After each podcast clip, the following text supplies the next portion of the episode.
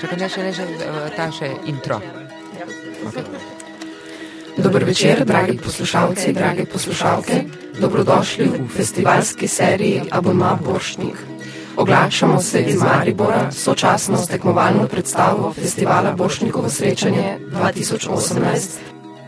Skupaj. V produkciji Vije Negative in Pekin Pah, v koprodukciji s Centrom urbane kulture Kino Šiška. Danes z vami Nika B, Zala, Nika Š, Maja, Nina. V seriji Abonma Borštnik spremljamo in komentiramo predstave tekmovalnega programa 53. festivala Borštnikovo srečanje. Skupaj. Pripravljeni? Pripravljeni? Pozor. Zdaj. Vidimo prazen oder v obliki črnega kvadrata, obrobljen z belo linijo, osvetljen svetlo lučjo. Na odru sta Leja Jurišič in Marko Mandič, na tleh kup pisanih oblačil na enem mestu. Mandič si vleče gor temno zelene hlače, ampak jih ima spodaj že nekaj odprej, se pravi, vidimo Mandiča, ki se oblači. Leja stoji zraven in ga opazuje. Gledalke in gledalci počasi že stopajo v prostor, občinstvo je sicer zatemnjeno, uh, torej vidimo, da sta bila na odru prisotna še preden uh, se je predstava uradno začela, predno je začelo vstopati občinstvo. Glasbena podlaga je neusiljiva, nepoznana, skoraj malce sakralna, kot da skoraj malo želi napovedati, da se nocoj obeta nekaj posebnega, nepozabnega. Nad odrom in nad njima je projiciran napis: Izvalila sva se iz istega jajca, vsaj tako o ponedeljkih popovdne misliva. Danes ni ponedeljek. Mandič se še vedno oblači. Leja sedi na tleh in se razgibava, si razteguje noge. Ves čas sta tiho, nobenih besed, komunikacija je zgolj neverbalna, Mandič se še vedno oblači. In glede na to, koliko oblek ima še na tleh, bo najbrž to še nekaj časa trajalo. Leja mu meče te obleke.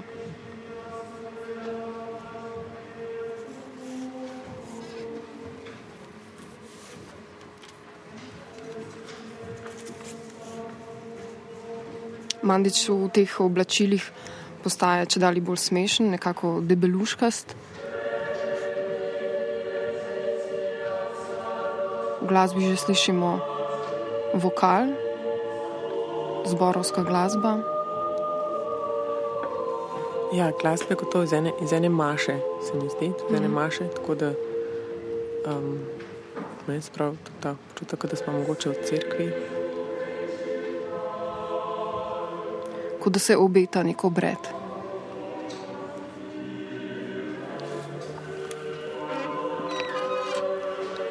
Ja, zdaj je izgledalo relativno vseeno, kjer ko se oblačil si Marko oblači, zdaj pa si je dal brez rokavnik s tem vojaškim vzorcem, kar pa vseeno da neko konotacijo. Ampak ga bo že prekril še z enim kosom oblačila, le pa ostaja v rdeči trenerki.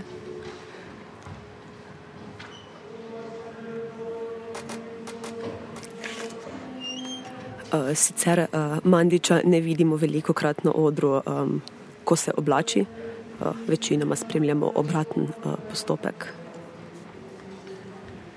Ja, in tudi ta akcija v bistvu deluje z zavedanjem um, te, tega dejstva, se zdi, um, ravno zato, ker pač Marko Mandič oblači, se plasti svoje obleke in očitno se igra tudi s pričakovanji publike, če publika pričakuje goloto Marka Mandiča, bo v tem primeru to gotov trajalo in trajalo, in s tem se očitno Marko Mandič poigrava. Zdaj si je oblekel še nek svetlo rjav suknič, komaj, kar pomeni, da ima res teh plasti oblačil. Vem, nisem zdaj prav štela, ampak vem, pet, deset, čez hlače, zdaj še ene hlače, sive.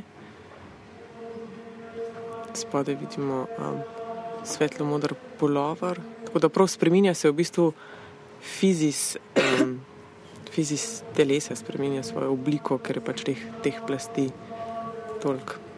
Ampak gre pa verjetno za zelo dobro premišljen nabor oblačil, ki si jih lahko obleče, da istočasno še vedno um, gibalno um, sposoben.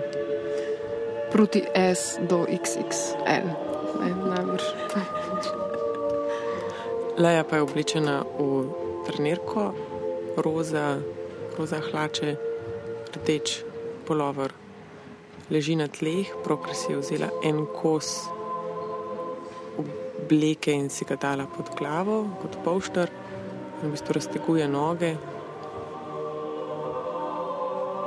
Poslušamo pa še vedno sakralno glasbo, nek tak mir, posvečenost. Ljudje še prihajajo v dvorano, gre re za dolg performance, v katerem je prihajanje in odhajanje normalno tudi pričakovano oziroma ne. Um, nedoločeno, no. Da je treba na začetku priti in do konca ostati. In zdaj smo tudi videli prihod še ene skupine, že po začetku. Kar kljub, kljub temu, kako je zastavljen performance, so verjetno bili le zamudniki. No. Oziroma, vprašanje zamudništva je tukaj, ja, drugi se odpirajo druge dimenzije. Sicer sta tu uh, Leja Jurišič in Marko Mandič, še vedno še ni prišlo do fizičnega stika, recimo, sta še vsak v svojem filmu, se uh, pripravljata na začetek vsak v svojem slogu, zdaj se razgibavata, Mandič nekako tudi uh, za trenutek posnema Lejne gibe.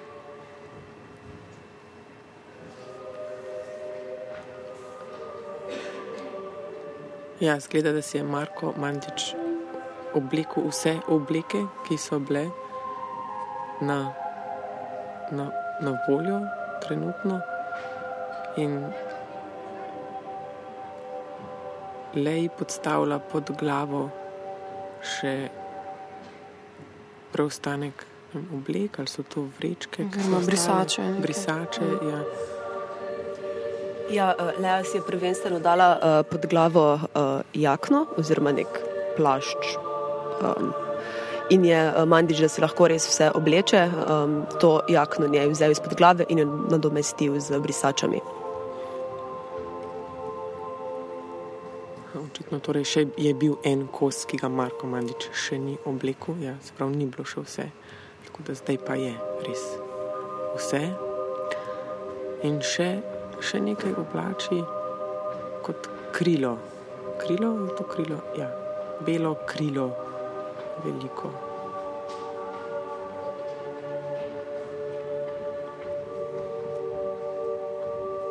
Belo Marko Manič v belem krilu in rumeni puhovki, Leja Jurišič roza trenerki na rdečih hlačah. Skratka, te žive barve v bistvu znotraj tega črnega prostora hodita v krogu. Ampak istočasno ob tej uh, sakralni glasbi uh, meni Mandičeva dolga, uh, dolgo belo krilo dodaja še eno dodatno um, crkveno konotacijo.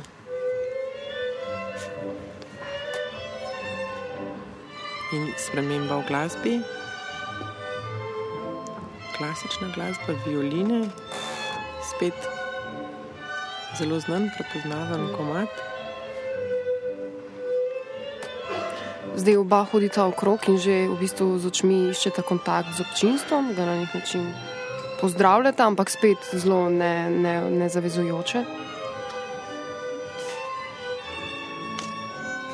Tudi njun gib postaja sinhroniziran. Zdaj je Leja dala klofuto Mandiču in lahko vidimo, da se naenkrat vzpostavi neka druga naracija, že vidimo odnos. Nekako je ta neverbalna komunikacija tako močna, da že skoraj da slišimo njun dialog. On nekako osilil njo, ona ga odriva. Ja, tudi prav v bistvu se vzpostavil zdaj s, s to glasbo, s tem um, tankom.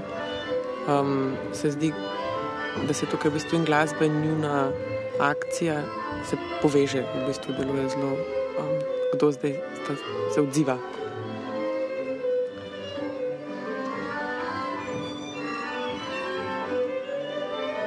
Mandič želi priti v stik z njo, z njo plesati. Ona se mu upira, še vedno.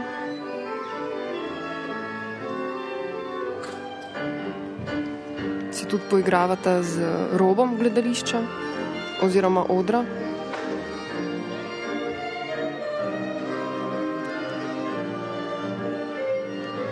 Ja, na sredini je črn kvadrat, obrobljen s belim robom in na vseh štirih stranicah sedi publika.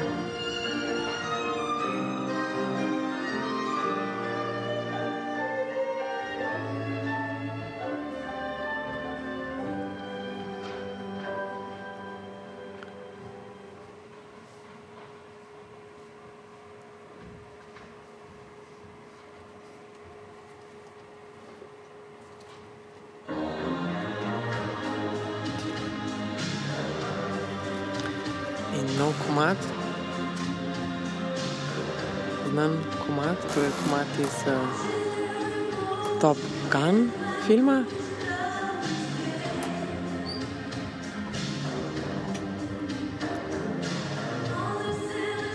Marko in Leja hodita še vedno v krogu, Leja nadaljuje pot v krogu po odru, Marko skuša nekako ali preprečiti, ali objeti, ali loviti, ali ste jo je prijel v pasu in jo um, položil nazaj. Tudi skozi nekakšno prehajanje med tem, ali hodita, ali bosta plesala v paru, tako prehajata med plesom, spet jo nagne nazaj, v bistvu stojita prav na robu, na robu tega, tega odra in Marko nagne lejo prav čez rob tega odra. Leja hodi ritemsko, drži Marko ta na distanci, Marko hodi proti Leji.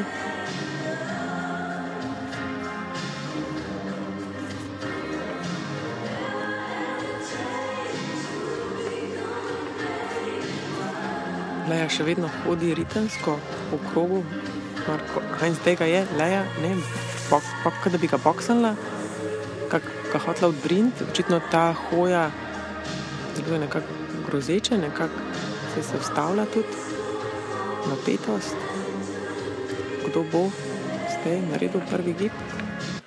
Gledate se strmo, aha, Marko proti Leji in aha, zdaj Leja beži, Marko, Marko za njo, zdaj je zagrabo za nogo, zdaj Leja, Marko leži na tleh, zdaj Leja zagrabila noge, ne, spustila je njegove noge, šla stran, zamahnila z roko nadaljuje svojo pot v krogu, zdaj pa Marko je slekel svojo krilo, tako da Marko ima zdaj hlače, sive hlače in rumen, rumeno jakno in nekako hod za lejo, zdaj že pred njo, nekako leja Ob njej. ob njej. Ob njej. Ja, na izrazih imate nasmešek, da se tudi držite za roke, pač nek razvoj odnosa je več iz konflikta, ne verjetno konflikt vseeno bolj ponuja več materijala, ne več uh, vprašanje, koliko krat se bo ta stik na ta način še zgodil. Je pa zanimivo gledati, kako se gibata. Ne? Oba sta res full telesna, performerja, dobro, uh, le je plesalka, Marko je igralec, ampak zdaj v tej vlogi sta oba performerja. Um, in oba imata tako ful izrazit gib, ful nekako mogoče že na meji z agresijo, ampak ne mislim, iščem nek boljši izraz, ful sta intenzivna. No, oba, um, tako polna, no, že od samega začetka, ko se je le raztegovala, ko se je Marko oblačil, sta, sta že te, te akcije izvajala full polno, impulzivno, tudi v resnici. Ampak kljub temu ima ta oba neko eleganco v tem in tudi zdaj se je ta njun uh, stik prelevil v ples, v neko imitacijo tanga. Um,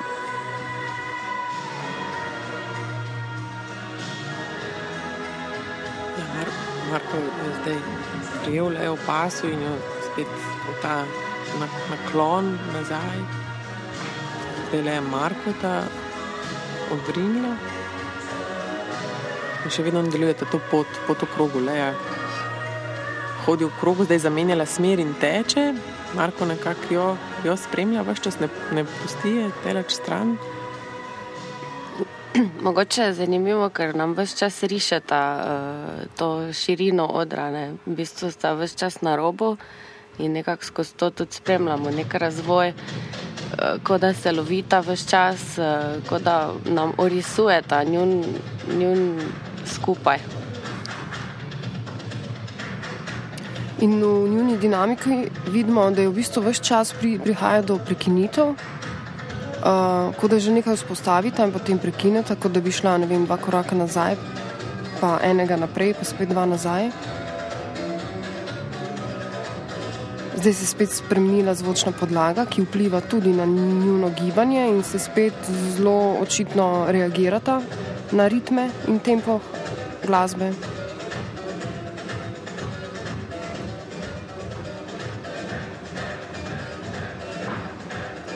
Imitira ta nek eh, rodeo, rodeo situacijo. Ja, Leja drži Markota za, za to eh, bundo rumeno, ne, kot da bi držala, tej, kot da bi sedela v sedlu in držala konja za, v bistvu za uzde in hodi, hodi za njim, kot da ja, je na konju. Ne, je na konju. Ampak tako, pač v bistvu ples.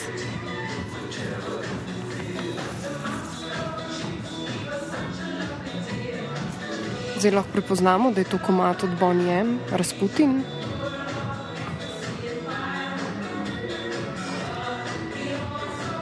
še vedno ta krožna, krožna akcija, še vedno hodi okrog po robu, po robu odra, po robu gledališča, v krogu.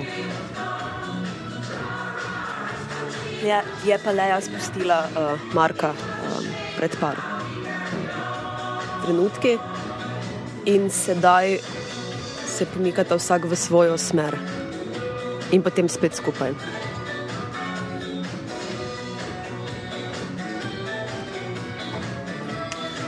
Zanimiva nijansa celega performansa je ta, da ona dva že v bistvu od sa, od samega začetka na sicer zelo neusiljiv način uh, iščeta kontakt uh, z občinstvom, dajeta občinstvu vedeti, da ga vidita, da ga čutita, kar je sigurno uh, ena pomembna nijansa v tako dolgotrajnem performansu, ker uh, si je težko predstavljati, da bi ona dva šest ur nekako plesala izolirana v, v svojem svetu, brez kontakta z drugimi.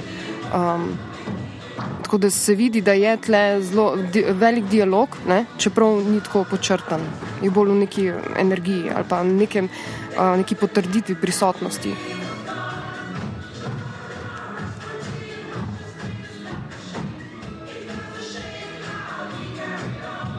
In tudi zdi se, ker pač vemo, da je to šesturni uh, dogodek, da bomo skupaj šest ur, tudi se čuti to neko ogrevanje. Zdaj smo na začetku um, in tudi to zdaj vzeti si čas za nekako ogret in sebe in publiko in drug drugega, v kaj vstopamo, vzeti čas, da vidimo, kje, kje smo, kje sta. Ja, pravzaprav to vedenje, da vstopamo v dogodek, ki traja šest ur, uh, vzpostavlja tudi našo potrpežljivost. Ne? Ker če bi mi vedeli, da recimo predstava traja klasičnih 45 minut, maksimalno eno uro, bi bilo to zdaj že kar velik, kar neki, ne? v smislu, da, da še nista vzpostavila niti odnosa, niti naracije, oziroma da je vse čas uh, prekinjata. Ne?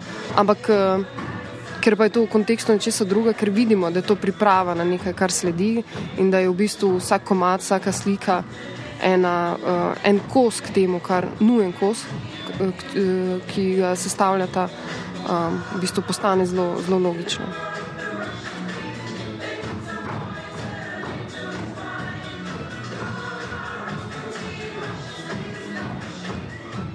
Še vedno se premikata v krogu, skačeta v, v ritmu uh, glasbe, oziroma na ritem se odzivata.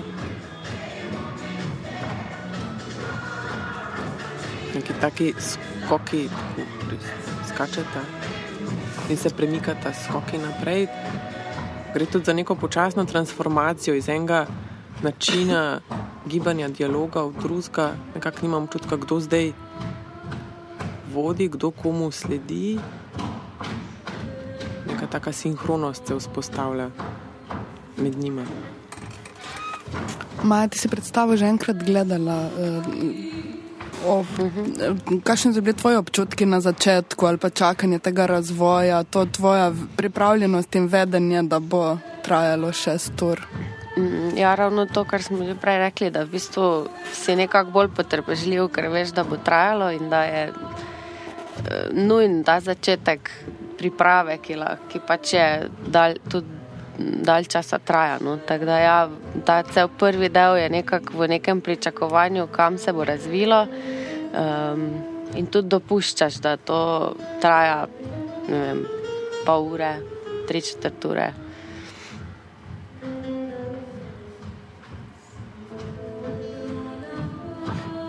Ja, kada bi občutek je, da mogoče je treba zdaj čas najprej mal, mal ustaviti, oziroma trajanje nekako drugače zarotirati za ali, ali obrniti, da vstopimo v nek, vsi skupaj, da si vzamemo čas, da vstopimo v neko v eno drugo dimenzijo, kjer bo čas mogoče drugače tekel. Mm. Tako da se zdi, da je to neko v bistvu počas razvijajočo se.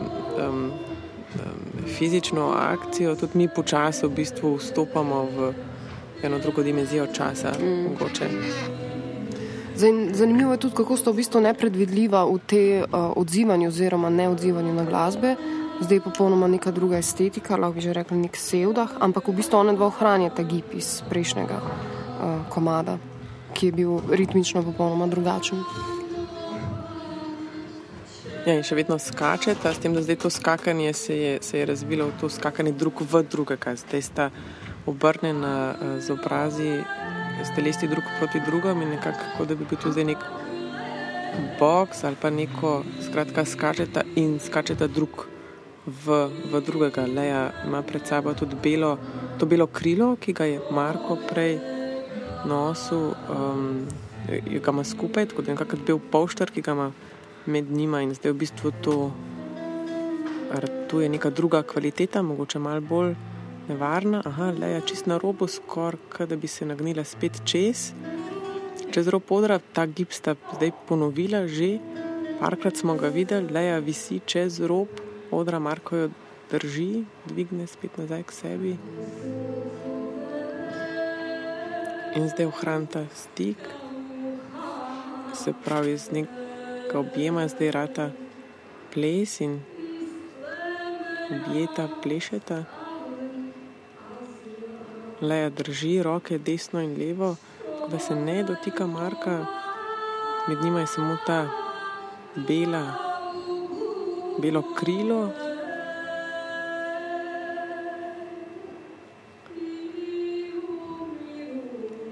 Stojita skoraj popolnoma na sredini odra. In barve, te močne barve so še vedno Marko v tej rumeni jakni, rdeče, roza.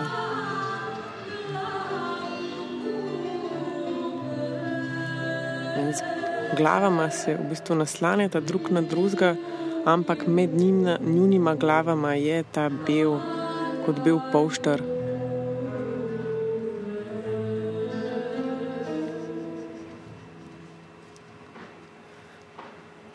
bistvu zdaj ta bel, bela rjuha, bil poštor, belo krilo, se je v bistvu Marko, oziroma oba dva gre zdaj to belo krilo čez glave njiju obeh, oziroma čez Markotovo glavo. Marko hoče nekako, bo sta obe glavi spodaj pod to belo ali ne. Še vedno nek, nek močen fizični stik, objem. In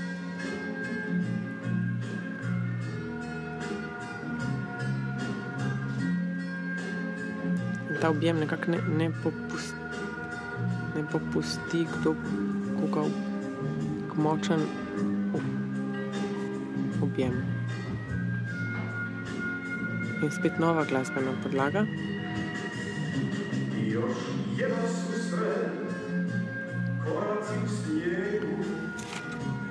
Sta pa tudi v intervjuju povedala Marko in Lea, da kljub naslovu skupaj a, in a, je ena izmed stvari, s katerimi se ukvarjali, kako individualno biti vsak zase ne, in peljati svojo linijo, da se vzpostavita najprej, da lahko potem sta skupaj. No. Tako da tudi vse čas jaz vidim tle neko tendenco in je slediti eden drugemu ali pa nekako že skup počneta stvari, ampak kot da bi tudi neka trma vsakega, ki išče svoj prostor, bila, bila vse čas mal prisotna ali pa kdo bo komu začel slediti, ne vem še čisto, tako da očitno tudi z ten odločitve, kadar so delali predstavo, to mal prihaja, kako najti svojo linijo, kje se boš potem začel poslušati, kje boš, mislim.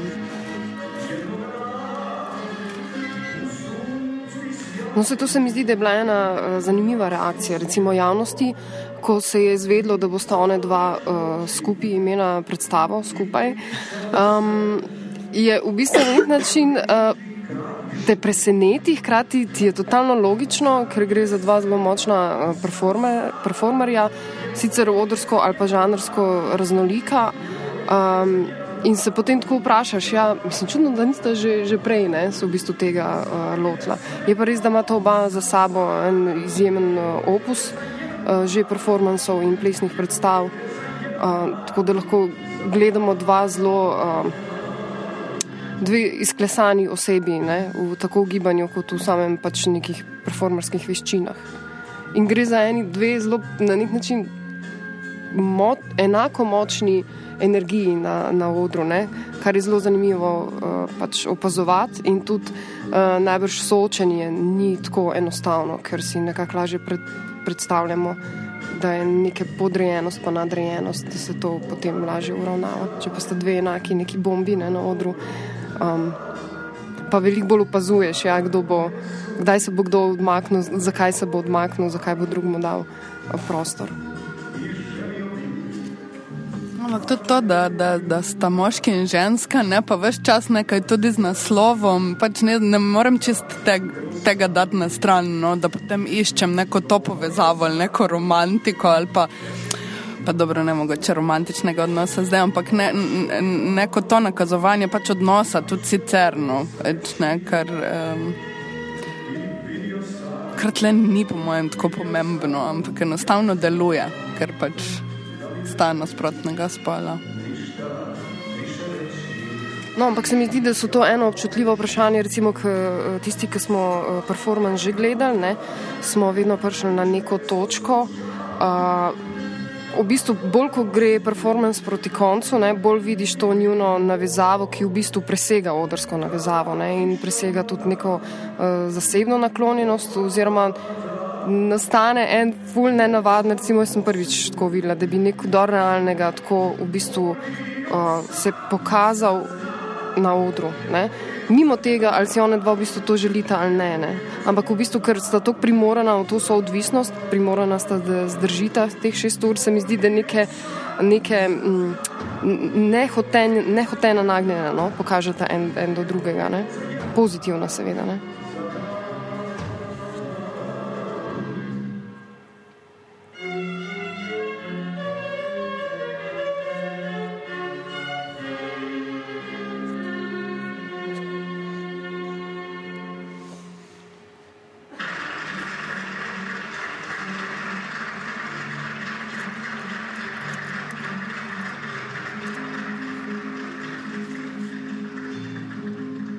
Se zdi, kot da je obstala v, v poziciji kle, le, z eno nogo na tleh, s dvignjenimi rokami, neko široko gesto.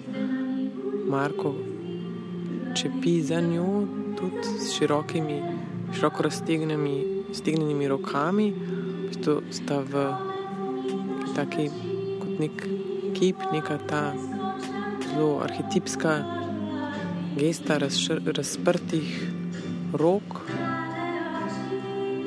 Mi se spodaj zamenjala spet glasbena podlaga, sta pri miru.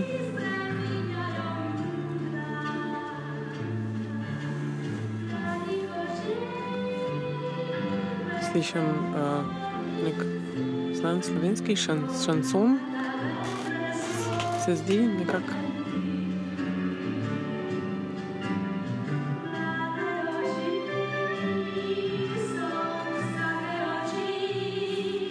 Zdaj me vseeno zanima, kako si obrala, ne? zakaj. zakaj um, Je nisi brala samo kot plesno predstavo, no? ker je vseeno uvrščeno v tekmovalni program Boršnikovega srečanja, kot, ki je le v, v, do, okay, to so vse uprizoritve na polju, ampak si jo bolj kot gledališko s tem uh, označila.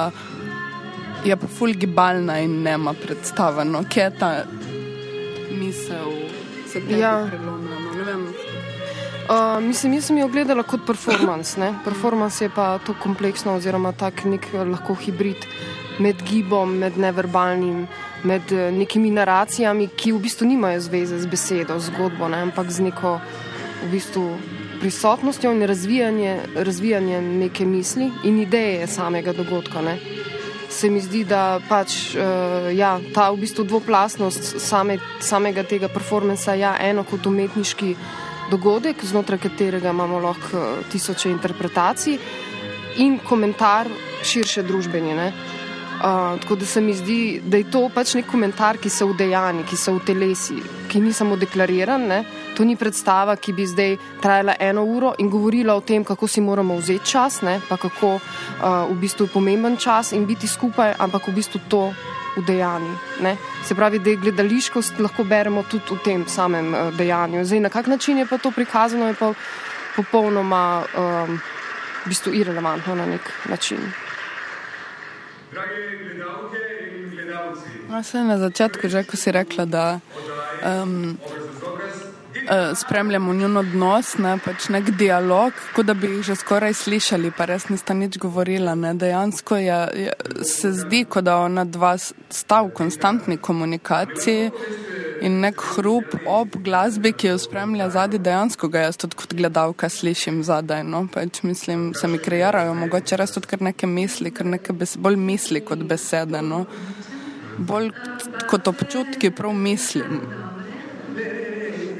Meni se zdi tudi zanimivo, ker glede na to, da zelo ohranjata ta svoj, to svojo individualnost, v bistvu mi vse čas na začetku daje občutek, da ni to njun odnos samo, ampak odnos na ključnega lahko človeka, oziroma da spremljamo širše kot to, kar je dejansko med njima. Ker z neko to s to vsak svojskostjo daje ta, ta občutek. Po drugi strani imamo nad samim dogajanjem projicirane replike, sprotno besedilo, tako da lahko dogodek umeščamo tudi v sodobno slovensko dramatiko. Um, tako da, no, to pa je ta verbalni del. No. To je mogoče, kjer se lahko formalno sklicujemo na to, zakaj je to gledališko, ker je pač ta kjer so ti uh, citati. Gre za citate, ki so nekako uh, se pojavljajo sporadično in um, glede na to, kaj one dva um, počneta, kaj se med njima dogaja. Hkrati tudi neki odvodi teh misli, te uh, tekste spisuje Semira Osmanagič, ki je bila v bistvu tudi na nek način, kot povesta, um, inicijatorka tega projekta, oziroma ona je hotela v zelo nekem manjšem formatu uh, imeti enkratni dogodek, ki bi govoril o telesu, in je njiju povabila, in se je potem razpletlo po, po štirih letih v to, kar vidimo zdaj.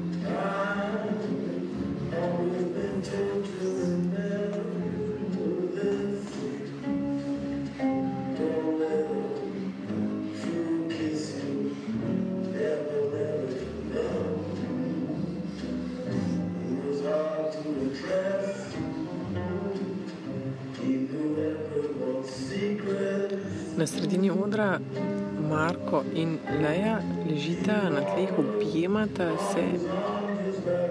Leja leži na tleh na trebuhu, Marko zdaj na hrbtu in jo vleče k sebi. Leja vleče zdaj Marko tak sebi. Tako konstantno, a, wow, kakšna formacija.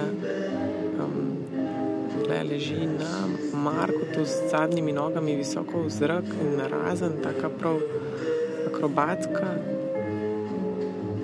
Um, to, to prehajanje med, kar gledam zdaj, v bistvu to neko res tako počasna transformacija med, um, med objemi, med, med plesi, med odrivanjem, med, med ljubljenjem. Nekako ne, vse čas na robu en, ena gesta nakaže premik v eno smer in to se zelo hitro obrne tudi v nekaj popolnoma drugega. Od, od, od ljubezni do v bistvu pretepa, zdaj hitro se je zgodil iz, iz, iz objema, se je zdaj zgodil um, kar en pretep in ga je odrinila in tako neka ne, nenihno prehajanje iz enega stanja. Ja, ni bil, nikoli, ne vem. Ni bil čisto objem, pa za par se je prijel, ne? pa je na to reagiral. Ja, aha, no, to pa, no, no, to. Um,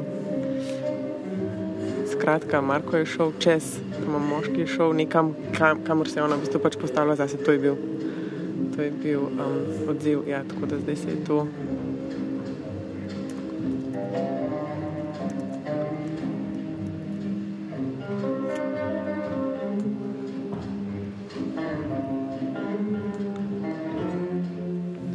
Meni je zelo zanimivo, ker ima uh, Kino Šiška kot koproducent in prostor, kjer se največkrat je ta performance do zdaj zgodil, v svojem vabilu napisano v, na koncu, uh, to ni participatorna predstava. Ne?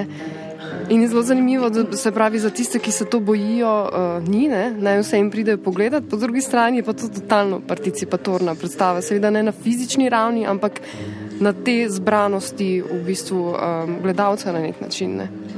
Skupaj, ki hkrati govori, da ni participatoren. Ne, ja, skupaj se tako odpira na različnih nivojih, skupaj med, med njima, skupaj mi z njimi, z njima, skupaj mi vsi, skupaj. Mm. Medtem si je Marko že um, kar par kosov uh, teh oblačil, ki si jih je na začetku navlekel, že slekel. Včasih je bilo. 36 minut. Šest, 36 minut je, pač, oziroma mislim, da že ene pet minut nazaj začel. No, pa pač, zdaj pa je to čist eh, bolj izpostavljeno, no, zgleda, da bo kar eno za drugim šlo hitreje zdaj dol. Lea pa v kotku uh, poplesuje, mega z boki, dviga roke. V bistvu v svojem svetu lahko pa tudi zgleda, kot da ga opisuje, opazuje. No glede na tako neko senzualno muziko in tudi njeno gibanje, njegovo slačenje, celo nek moment stripti za to prisoten.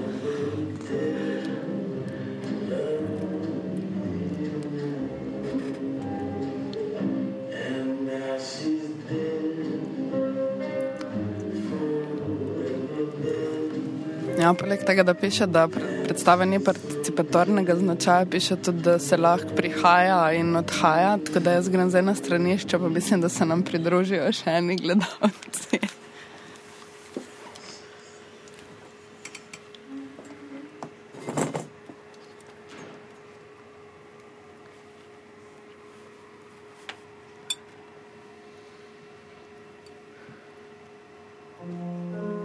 Marko Mandič na robu desno spredaj, leja v bistvu po diagonali nasprot na drugi strani.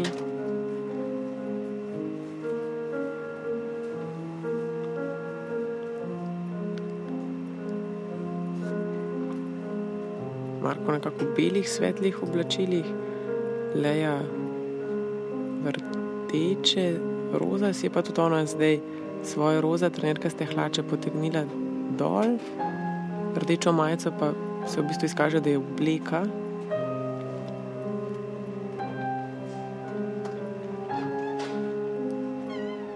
Nova glasbena spremljava, klavirska, nekaj tacka, ki poznam, sem že slišala. Ja, celotna glasbena podlaga se giba nekje v meji. Uh, poznam, približno vem, kam dati, ampak nisem pa čisto pripričana. Prej, recimo, ko smo se o tem slovenskem uh, šansonu pogovarjali, vem, da gre za pesem Plave oči. Pripričana sem, da je bilo v enem izmed filmov, ampak ne vem v katerem in tudi izvajalca oziroma izvajalke se trenutno ne spomnim. In enako velja za to pesem. Gre v bistvu za zelo znan klavirski komat, ampak um, ne vem pa, kam ga dati no, točno v tem trenutku.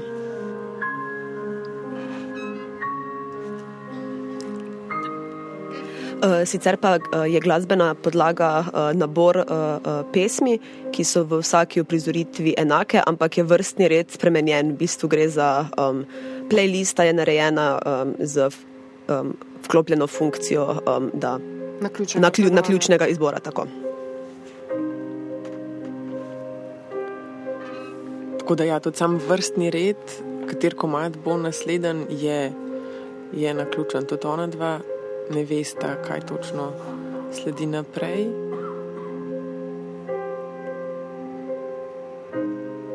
Mogoče je zdaj prišlo do, tudi v gibanju do ene sprem, večje spremembe prej bilo vse čas neko odrivanje, nekaj ostri, ostri premiki, sunkoviti, zdaj pa vidimo, da gre bolj za neko mehkobo, tako mehko gibanje, nežno, z nežnejšimi dotiki tudi. Ja, več je tudi nekih pauz, zdi se, da je zdaj v bistvu neka, ki imam občutek, da imam dva kipa, ki se počasi premikata, zauzemata neke pozicije nek drug ritem se vzpostavlja, bolj počasen. Leja zauzame pozicijo, malo postoji v njej, zauzame drugo, enako Marko.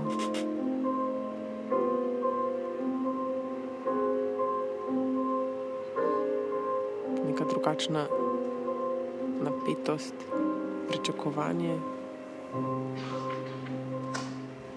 Moče tudi zaradi te rahlo skrivnostne glasbe.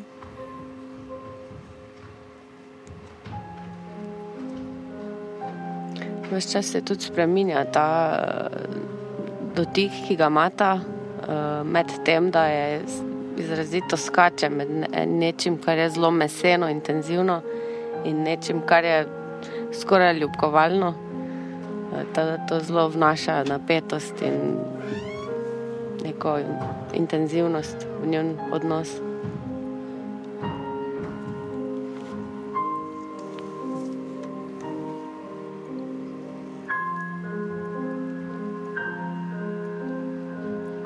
Ja, nek občutek, ne, ne, ne nikoli ne vem točno, kaj bo, kaj bo sledil in kaj se bo razvil. Zdaj Marko leži na tleh, lepo skakuje na eni nogi, drži njega za nogo, oziroma skuša mu sleči en, en del hlač, pod katerimi ima Marko še druge, druge hlače, še zmeraj je velik teh plasti. Lepo v neki tej res graciozni, um, baletni drži, v bistvu ne, z eno nogo široko, dolgo stegnjeno nazaj, kot vleče Markota po, po odru. Aha, in nek nadan zelo hiter gib in se je že situacija obrnila in zdaj. Leja spet ponovno, popolnoma na robu odra, skoraj visi dol in Marko jo drži kako nima, da ne bi padla ali odda nazaj. Ali...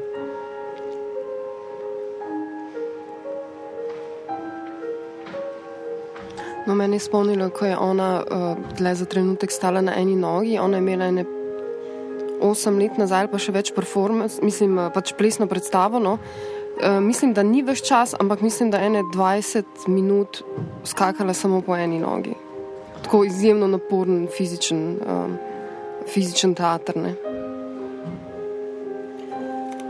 Povedala bi še, da je um, prej, ko je uh, se Leja nagibala iz odra in jo je Marko rešil, če lahko temu rečemo, je potem ta situacija reševanja kaj hitro prišla v moment, ko je Marko spet hotel načeti nek mogoče spolen akt uh, in ga je Lea spet ustavila. In gre za zelo uh, prehajanje po zelo tanki črti uh, znotraj uh, odnosa.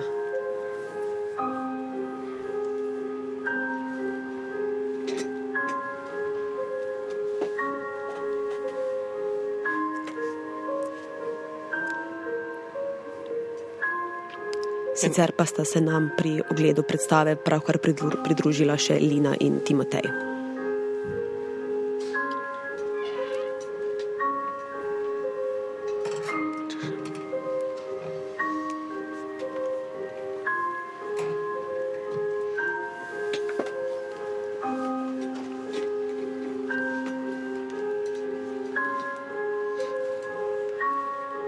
Ja, glasba je tako zelo, še zmeraj ta nežna, počasna, tiha, klavirska glasba.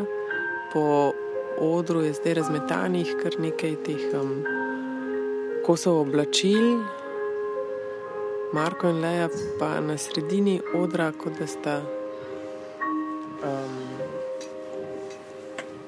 neka, neka skulptura, Marko čepi, Leja v njegovem naročju premik, neka skulptura, neka druga kvaliteta giba, spet.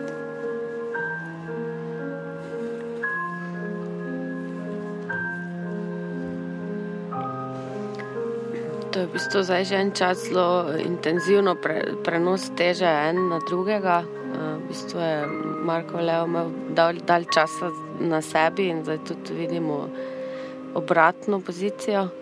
Tako da nekako z, z vso svojo težo v, v, druge, v drugega.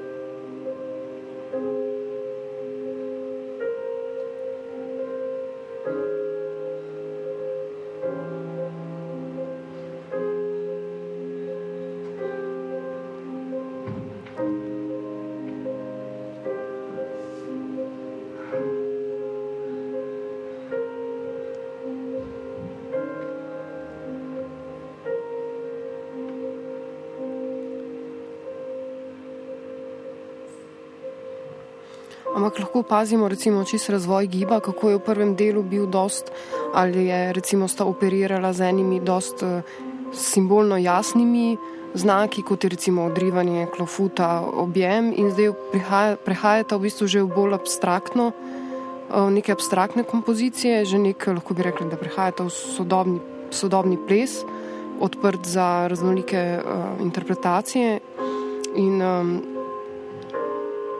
in asociacije.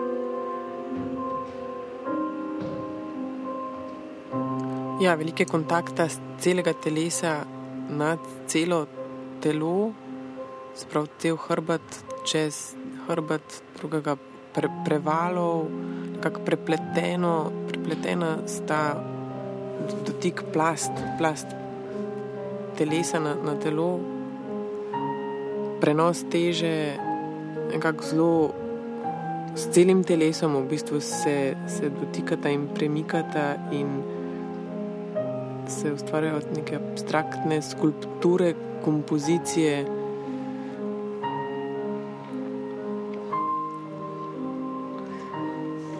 Na nek način uh, gibanje, kjer se vse čas trudiš ohranjati kontakt, ostajati v stiku, pa vseeno spremenjati uh, položaj s tem, da to počneš skupaj v konkretnem stiku. In v bistvu, kako se na tej točki upira ta neki virtuoznosti ali pa temu, da bi uh, zdaj izpadla lepo ali pa usklajeno. Ne? Kljub temu, da sta prepletena in to, totalno odzivna ena drugega, v bistvu se ne obremenjujeta s tem, kako izgledata v tem trenutku. Ne? Gre res za, za, za to, kaj je blizu in pomembno njima.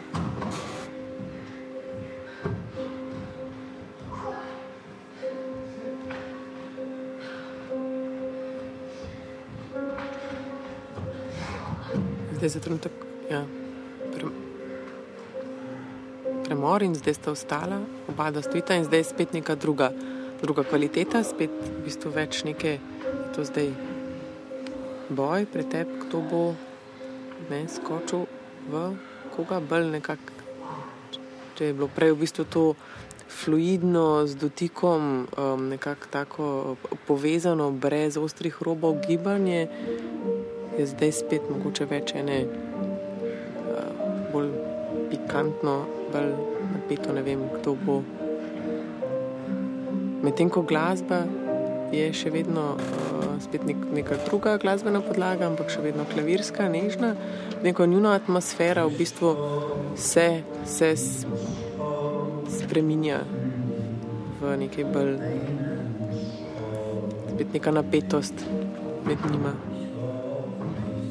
Zdaj, v zadnjih nekaj, recimo, minutah smo slišali, da tudi ona dva sicer ne govorita, ampak sta pa povsem svobodna v nekih vzdihljajih. Uh, ali pa ne vem, pridušenih krikih, ali pa celo, ja, da nekako zakričite. V glavnem, da uh, oddajate v sebe glasove, ampak ne, da bi bili na nek način enopomenski.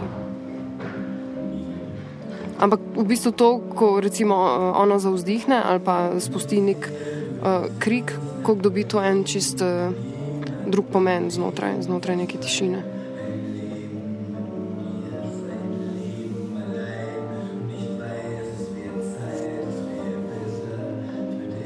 Marko še vedno slači te plasti, oblek, leja pa je v rdeči, v rdeči obliki.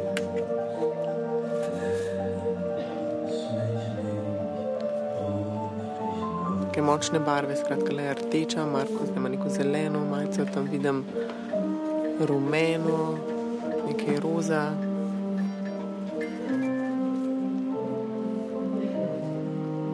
Marko leži na sredini od, odra z, široko, z rokami na razen, Leja pa stoji nad njim in ga gleda.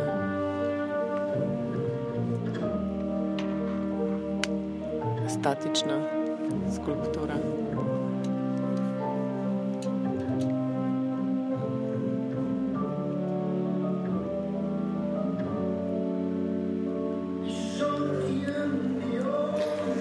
No, tu recimo se lahko navežemo tudi na eno izjavo Le Jurišič, ki v intervjuju um, poudari, kako je v naši družbi še vedno najpomembnejša glava oziroma misel.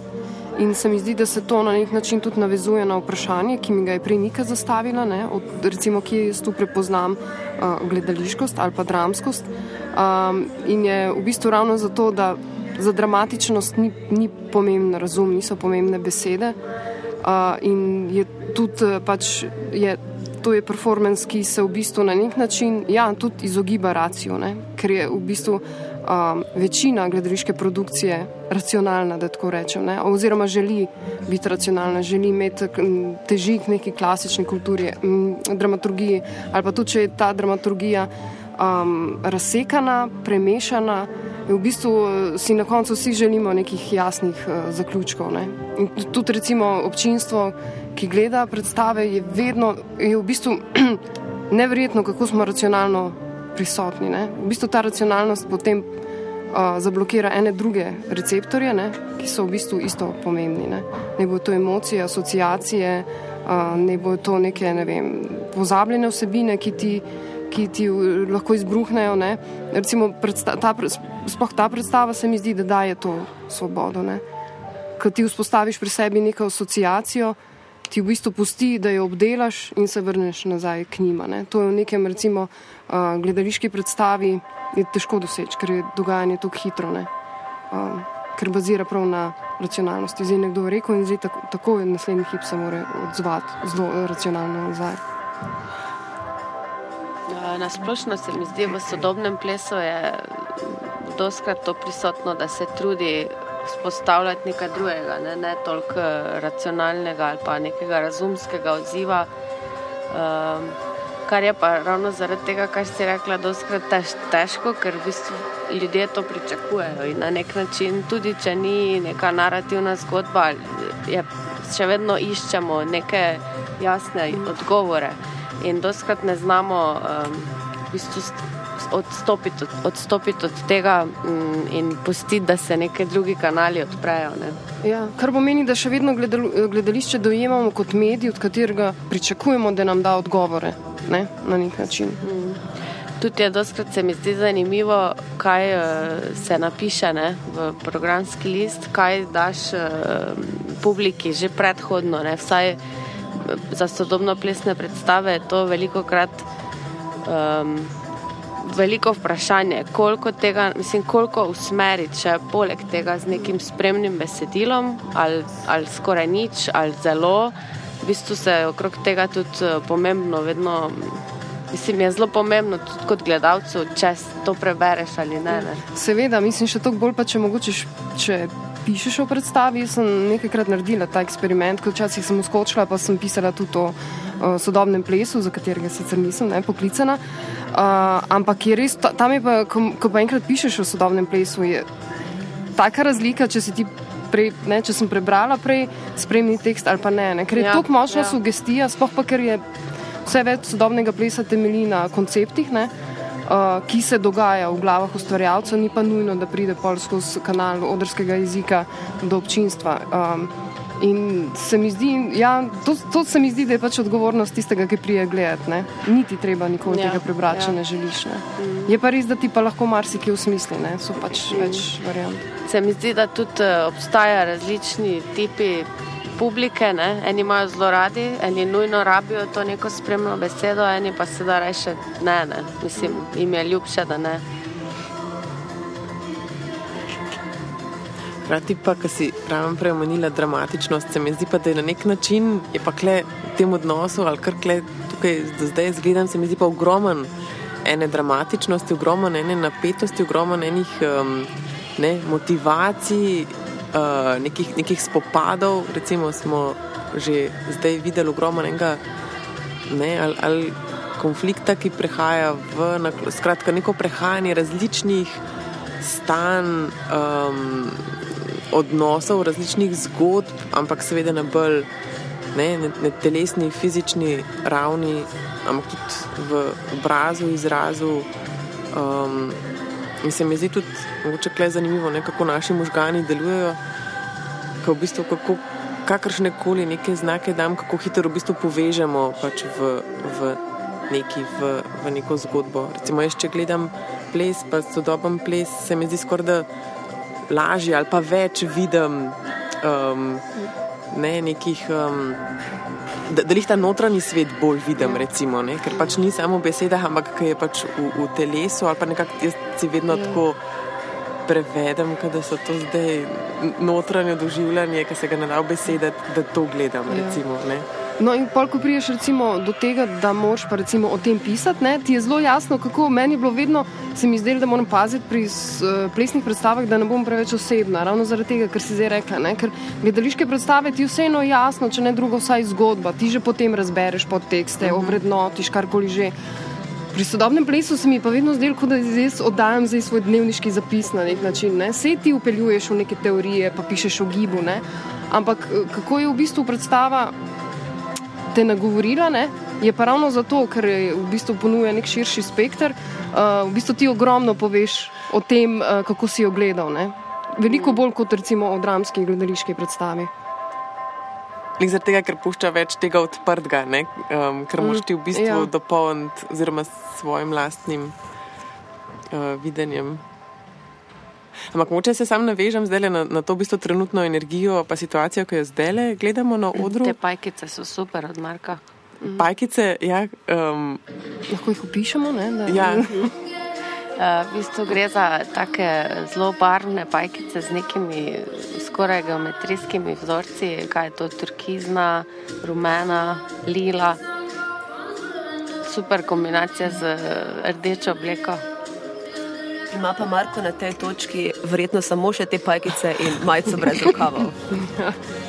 Ampak je zanimivo, recimo zdaj je bila reakcija, ki se izpolnim tudi iz premjere, ker je bila ta pesem ne, od Sije, mislim, da je, kako v bistvu um, uh, re, odreagira uh, Leja in je tako jasno, da je ona dala ta komat v bistvu na seznam. Ne, tako nehote je v bistvu reagirala na njega.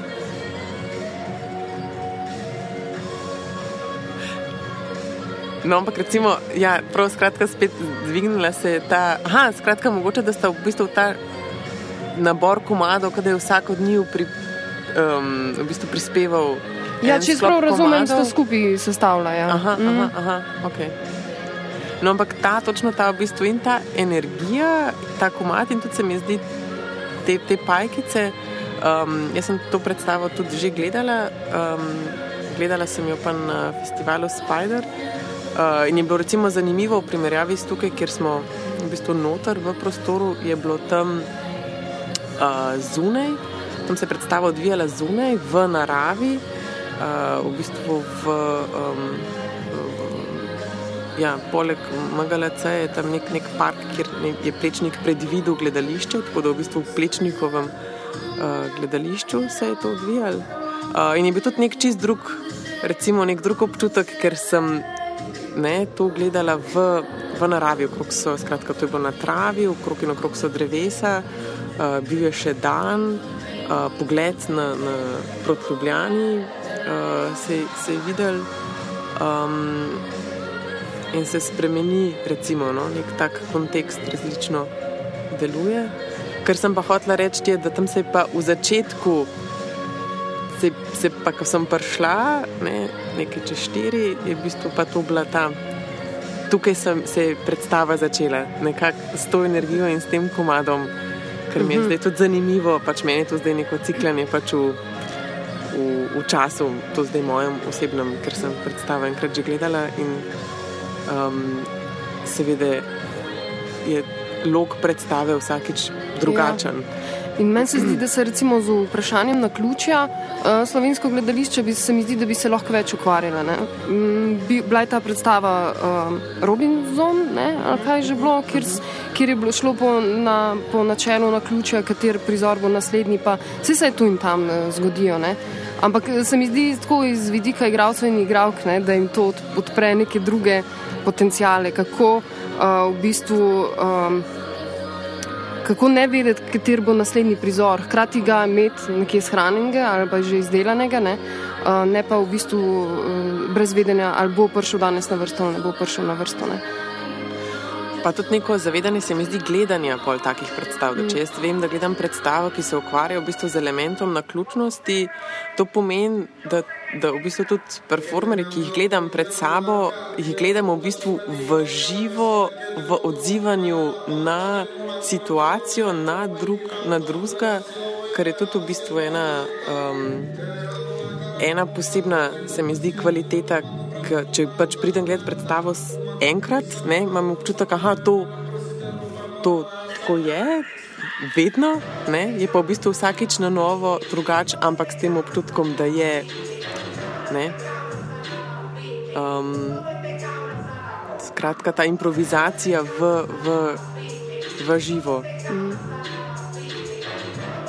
Bi mogoče lahko vaju na, na tej točki vprašala, lih, če se zdaj dotikamo v bistvu improvizacije, pa neke živosti, pa ne, kako v bistvu, um, kakšen je performerski občutek v, v tem, kako se vidva, Lina, Timotej, Meni počutita v tem, ali kako je to gledati, kako je to, um, imata vidva tudi izkušnje s tem, ali?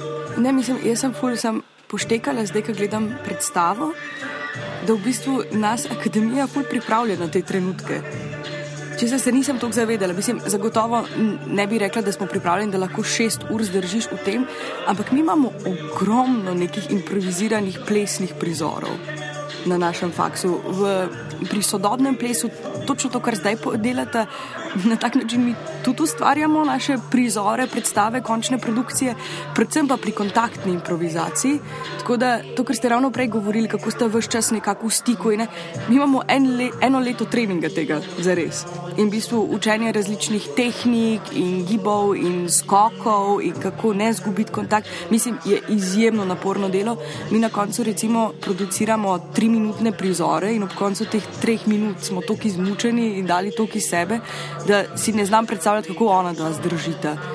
Ampak ne vem, je pa mal hecan, ker se ti zdi, da, da bi te improvizirane stvari bile zelo težke, pa se mi zdi, da ravno pri gibu da na neki točki, ki smo se prepustili, so full fajn zadeve ratele in res nisi, nisi razmišljal sploh, ampak si samo si delal. In si prišel s partnerjem skupaj, pa pol mal tudi ne, pa kdaj si se res krasno ujel, da so se tako poklopile zadeve, včasih so šle popolnoma na robe, ampak ni imelo toliko veze. Tako da ne vem, kako ti gledaš, Timotej. Um, ja, ne vem, mislim. Še zmeraj smo, mislim, recimo, delali nekaj tega na akademiji, no, ampak po moje pa potem, ko si nekako izpostavljen neki publiki, pa, to, pa da zdaj res ne veš čist jasno, da ampak si tudi prepoščen, no, kam te bo nekako odpeljal, pa to moš pa še zmeraj, mislim. Moraš celoten performance nekam pripeljati, uh mhm. -huh. še zmeraj čez nek lok in publiki v bistvu dati, ne, po, po kaj je prišla. Sej, po mojem, to, koliko je improvizacije, za res mogoče to lahko rečeš v nekih narekovajih. Ja. Ker če si ti neke stvari delal, pa ustvarjal skupaj, se mi zdi, da ne glede na to, ali delaš vsakič na novo, se vedno vračaš k nekim starim zadevam, ki si jih počel. Zdaj ali jih na ključno uporabiš na nekih različnih mestih. Ampak se mi pa zdi, da ja, no, se strinjam. Da, da za to improvizacijo je, je ipak. Uh ogromno in ogromno in ogromno in ogromno enega treninga, zato da si pol lahko ti na koncu ne. Mene, uh, mene bolj zanima, kakšna je tukaj v bistvu vloga režiserja, ne, kaj, aj, um, oziroma v tem primeru režiserke, ne, režiserja, režiserja, se pravi, čujem. No, ja, tuk, no, tukaj je pač vprašanje, um, to pač je delo je v bistvu uh, kolektivno, kot jaz ja. to uh, razumem. Ne? Se pravi, te klasične vloge, režiser, igralec, performer so tukaj tudi v, bistvu v drugačnem kontekstu gre. Ne? Tukaj so sodelovanje, tukaj sta Marko in Leja izrazito uh, avtorja uh, in uh, sodelovanju z Bojanom Jablanovcem so tukaj tako avtorsko, enako vredno razvijali uh, to. Tako da so tukaj nekako uh, bolj. Uh, In tudi Semiro uh, Osmanagič Pisko. Da je v bistvu gre za uh, avtorski projekt Marka in Leje v sodelovanju z režiserjem in Pisko.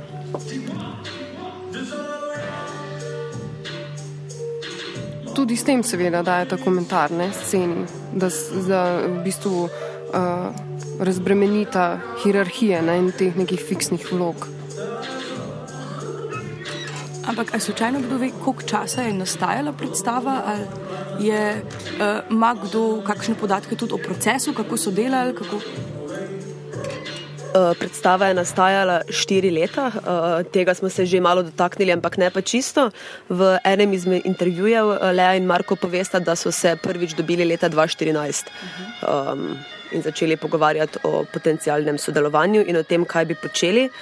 Um, o samem uh, procesu pa mislim, da smo prej uh, med izmenjevanjem um, znanja uh, ugotovili, da so postopoma delali in da so najprej, da je bilo po tri ure.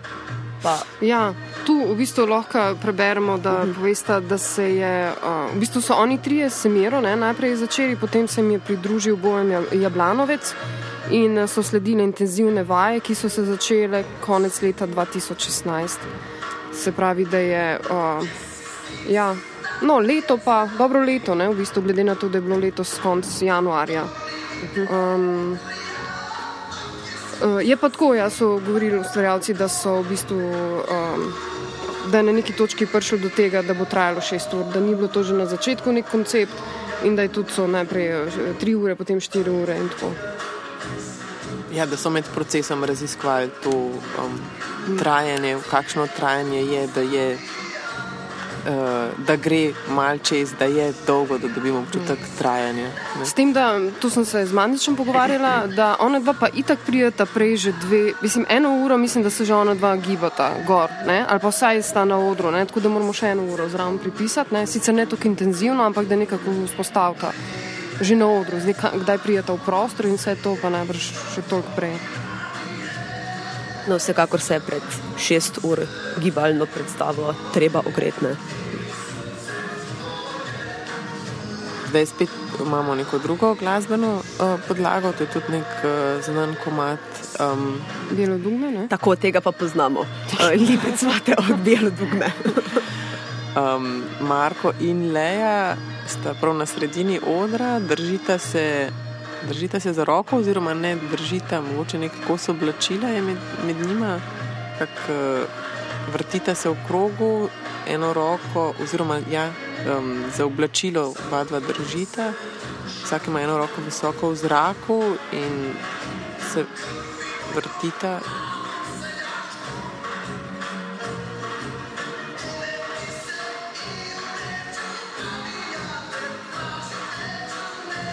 Imamo zdaj tako mini koreografijo bokov, eh, v bistvu, ker eh, zdaj sta bolj ali manj statična in samo pelvis in center telesa se premikata. Ja, tukaj smo se tudi pogovarjali, kako v teh šestih urah v bistvu vse na nek način odpočitne. Uh, je pa spet v bistvu neka veščina. Ne? Recimo na neki uh, točki se je na primer Mandič ulegel in je ležal, ampak to ni izgledalo neaktivno. Ne? To pa je potem spet druga vrnina, ne njegova.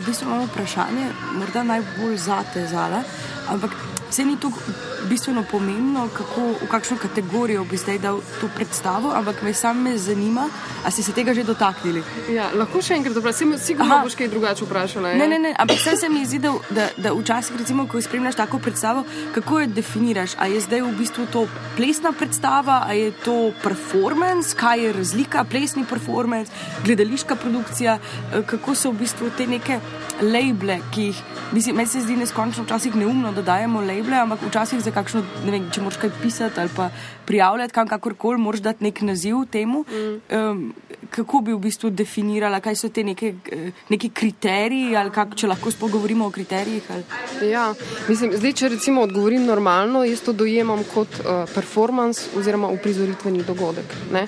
ki pa je seveda v, osnovi, v svoji osnovi zelo kompleksen. Uh, razmerje med gibom, besedo, molkom, um, situacijami so zelo različne. Uh, kar je bilo meni pomembno, je to je v bistvu vprašanje dramatičnosti. Kaj, to, ker smo se tudi pogovarjali, uh, kaj dramatičnost na kak način komunicira, a mora z mano komunicirati prek, prek, prek besede, prek dialoga, prek neke koherentne zgodbe, ali lahko v bistvu uh, dramatičnost se skriva v nešteto različnih variantah. Um, To je, ja. pa predvsem pač to, kar sem pa tudi že prej omenila, no, se lahko dvakrat, ja, uh, da v bistvu mi je bilo zanimivo, da ta njun performance je v bistvu neka zelo močna gesta. Se pravi, to, kar sem že parkrat rekla, da recimo sem le- lani v slovenski gledališki produkciji opazila, da se odpirajo neki problemi in se o tem debatirajo, nihče pa tega ne preseže in to ustvari. Ne? Se pravi, tako kot sem že prej rekla, one dva ne delata enourne predstave in govorita, kako si moramo vzeti čas, ne? Pa kako bi morala pa biti zdaj neka predstava tako dolga, da bi mi začutili neko skupnost, ne? ampak to naredita skozi zelo jasno. Utelesita v bistvu svojo idejo in to se mi zdi neprecenljivo. Ne? To se v bistvu v neki sezoni ali pa v nekem obdobju uh, malo krat zgodi, ne? da, da v bistvu ne ostajajo stvari na deklarativni ravni, ki so sicer čisto v redu, ampak da v bistvu ti skozi gesto uh, v bistvu preneseš svojo misel, ne? fizično. Pa tudi se mi zdi, da si prej Zala to omenila, pa se mi zdi tako dobro, da smo se pogovarjali o tem skupaj, ne, da tudi v bistvu uh, Leja je aktivna na neodvisni sceni, Marko je tudi precej aktiven na neodvisni sceni, ampak je tudi zap- zaposlen v inštituciji in da je tudi to um, inštitucija in neodvisna scena skupaj, tudi to mogoče odpira en, en nov, um, še en nivo. No. Ja, mislim, sigurno, vsekakor. Ne? Sej, v bistvu je že to, kako one dva uh, v ta dogodek prineseta neke svoje biografije. Ne? Oba sta, sta res že pač uh, uveljavljena, prepoznavna in je ne mogoče gledati. Zdaj, ne vem, mogoče so nekateri mal, manj seznanjeni z Lejo Jurišič, ne? pa mogoče več z Mandičem, ampak uh, je to v bistvu, če gledaš cel performance, je uh, možno gledati skozi njuno biografsko v bistvu, uh, perspektivo. Ne? To, kaj sta že naredila, s kakšnimi predstavami sta se obadala, kje so v bistvu tudi asociirata na njih. Um, da, ali pa mogoče celo neke motive, recimo, poberete tam. Ni pa to zdaj esencialnega pomena. Ne? To je neka dodana vrednost za tiste, ki vejo, za tiste, ki pač ne vejo. Pa ne. Je pa seveda tudi dialog uh, s tem, ja. s tem pač nekim trkom ali pa tudi včasih konfliktom med institucijo in nevladno sceno, ki jo je seveda sprožila državne strukture. Se gre za ja. to, da nekomu daš manj denarja in potem se pa stepejo med sabo. Mislim, da to ni velike filozofije tle, ampak eh, da v bistvu je tle še ta dodatna gesta. Ja. Ampak recimo, kar si govorila tudi o neki gledališkosti v, v tem, recimo me pa zanima, kako pa en knapovci ki v bistvu svoje te plesne predstave, ki jih delajo, imajo veliko gledaliških momentov, včasih tudi v bistvu prav neke skoraj dramske prizore z tekstom. Recimo, a se pa to pol. Vseeno šteje bolj kot neka plesna predstava, spadajo v to kategorijo, zato ker so plesalci. In je, ne vem, Marko Mandič, ta, ki temu performancu prenese ta, ta recimo, če bi le zdaj ta performance izvedla s kakšnim plesalcem, ali bi bilo drugače? Ja, sigurno. Mislim, kontekst se vzpostavi s tem, se doskrat vidimo, kako se v bistvu producenti odločijo, da bojo neki ne, naslovili. Ampak recimo Leja eh, je zelo veliko sodelovala s Teo Reba, ne, ki imate recimo performance, obe sta hkrati tudi gibalki uh, in se mi zdi, da se pač na plesni sceni potem imamo tle Nataša Živkovič, ki je tudi na začetku uh, ali pa še vedno, no, v bistvu je ta njeno razmerje med performanci in plesom skoraj enako vredno. Jaz mislim predvsem, da se nevladna scena manj obremenjuje ne, s tem. Je pa normalno, da take vprašanja uh, se pojavijo. Uh, in je tudi res, mislim, zanimivo je potem opazovati, ja, recimo, mislim, vedno je zanimiv moment, ko plesalec ali plesalka spregovori. Um, in se mi zdi, da se tam pokaže, koliko imajo v bistvu teh performanskih veščin tudi, ne, ker je lahko zelo uh, v redu v gibu, ne, ampak to še ne pomeni, da je ta prisotnost verbalna, ne, da tudi bo šla skozi. Um, Ja, in se mi zdi, da, da je to nek, na nek način to bi bilo mogoče tudi vprašanje za vajo. Ne? Recimo to, kar sem omenila, recimo Le Jurišič, Nataša Živkovič, Teja Reba, mogoče bi bil zdaj še kdo, ki uh, ne izhajajo iz gledališkega okolja ali pa iz AGRFT-ja, ampak so prek nekih svojih, tu se mi zdi, da tudi brez nekega načrta, jaz bom pa nekoč tudi ne, igrala, bila performanka, ampak gre za neko naravno pot. Um, Ampak se mi zdi, da to samo obogati sceno, no? da se vidi, da so različni principi in da to lahko ti iz različnih okolij v bistvu ne, postaneš neko, uh, neko sorodno umetniško telo. No? Uh, ampak tudi en knapovc, recimo, če se nazaj navežem, so letos v spremljevalnem programu zasledovalci sreče Boršnikom in že par let nazaj, pa ne lani, dve ali tri mogoče, so bili, otvorit, tako, so bili pa otvoritvena predstava. Uh, tako da so tudi oni že ne, uh, uvrščeni v postdramsko uprizoritveno polje. No, ampak um, recimo tukaj tudi Le Jurišič, jaz sem gledal par njenih teh plesnih oziroma pač performancev.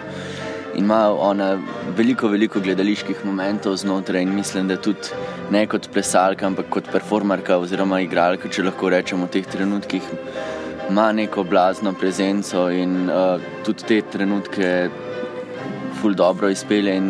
Meni se zdi, da v končni fazi ni važno, kako mi temu rečemo, važno je, kaj te ta predstava da, pa naj se na koncu imenuje sodobna pesna predstava, gledališko. Ne, Ne, mislim, jaz se absolutno strinjam, da, da, ampak to se mi zdi, da pa pride mogoče z nami, mogoče neka mlajša generacija, kakorkoli.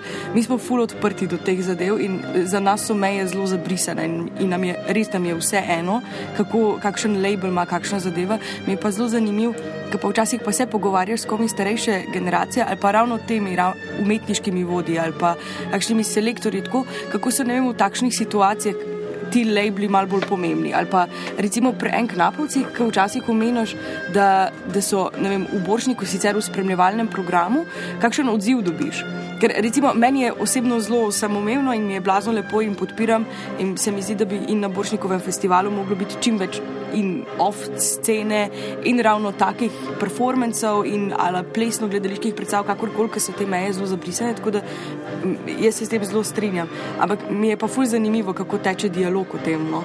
Kako, kako, da, da eni tega absolutno ne bodo mogli spustiti. In...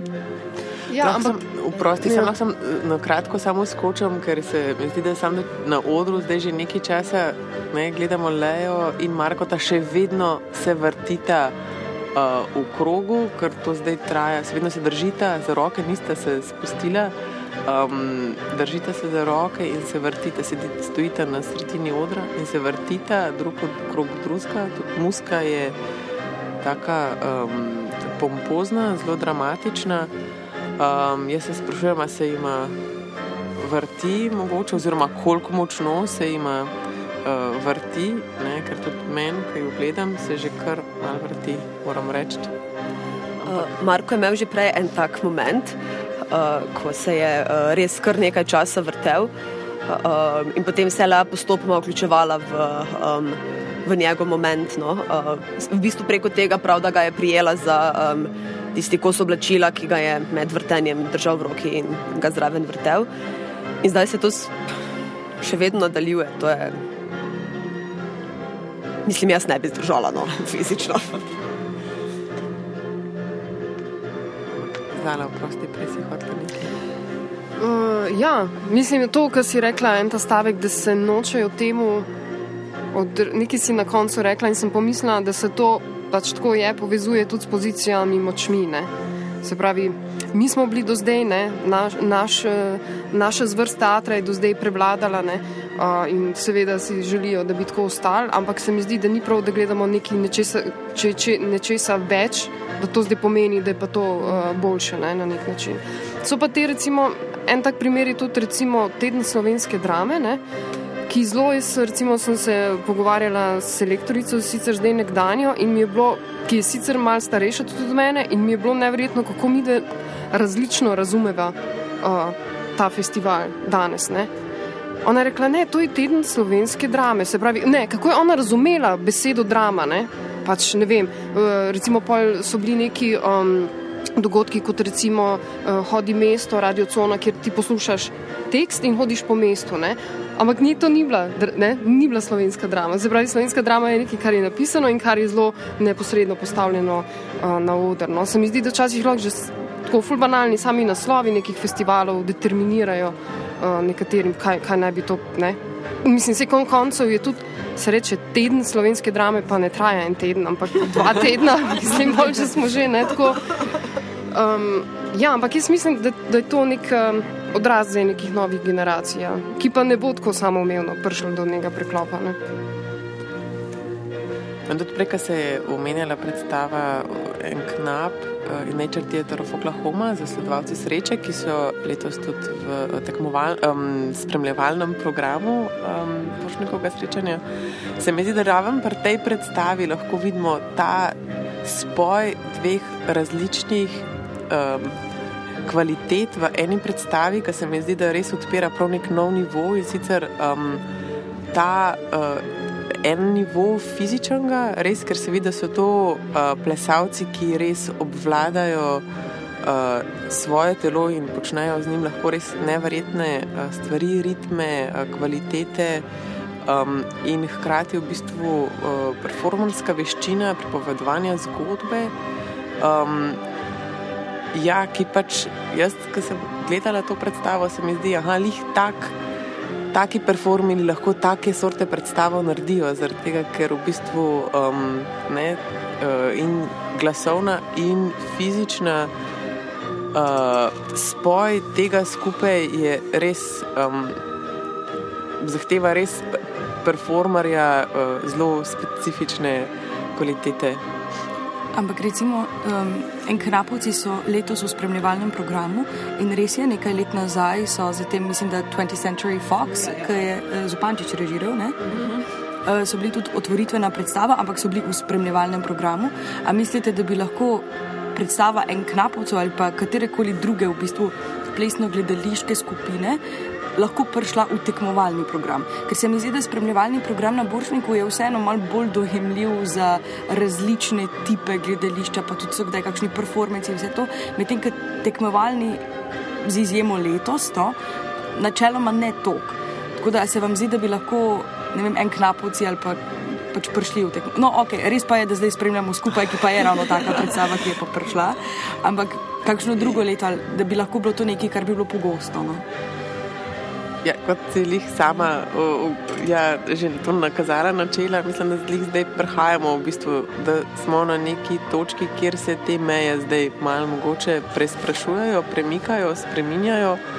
Um, kdaj pa kaj pride, pa zakaj so recimo zasledovalci srečo v spremljevalnem programu. Uh, je verjetno tudi povezano čist, kako so, je pa spet po mojem ta nek, um, kdaj je premjera, ne, Ja, kdaj sam, so. sam sekundu, tle je Ja. zelo formalno. V bistvu spremljevalni, ja. spremljeva, kaj so že, spremljalci? Ne. Spremljevalni program. Ne, mislim, zasledovalci, Zasledovalci. srečo so v bistvu imeli premiero izven lanske sezone.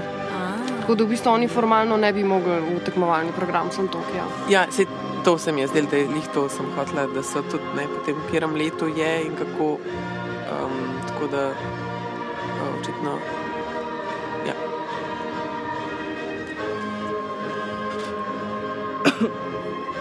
Zdaj Marko in Leja se ne vrtita več na sredini odra, ampak se pa tečeta po robu, še vedno se gibljata v, v krožni, uh, v krogu, cirkulirata, spet tečeta tako po robu odra, ob robu odra, kot sta uh, prav na začetku.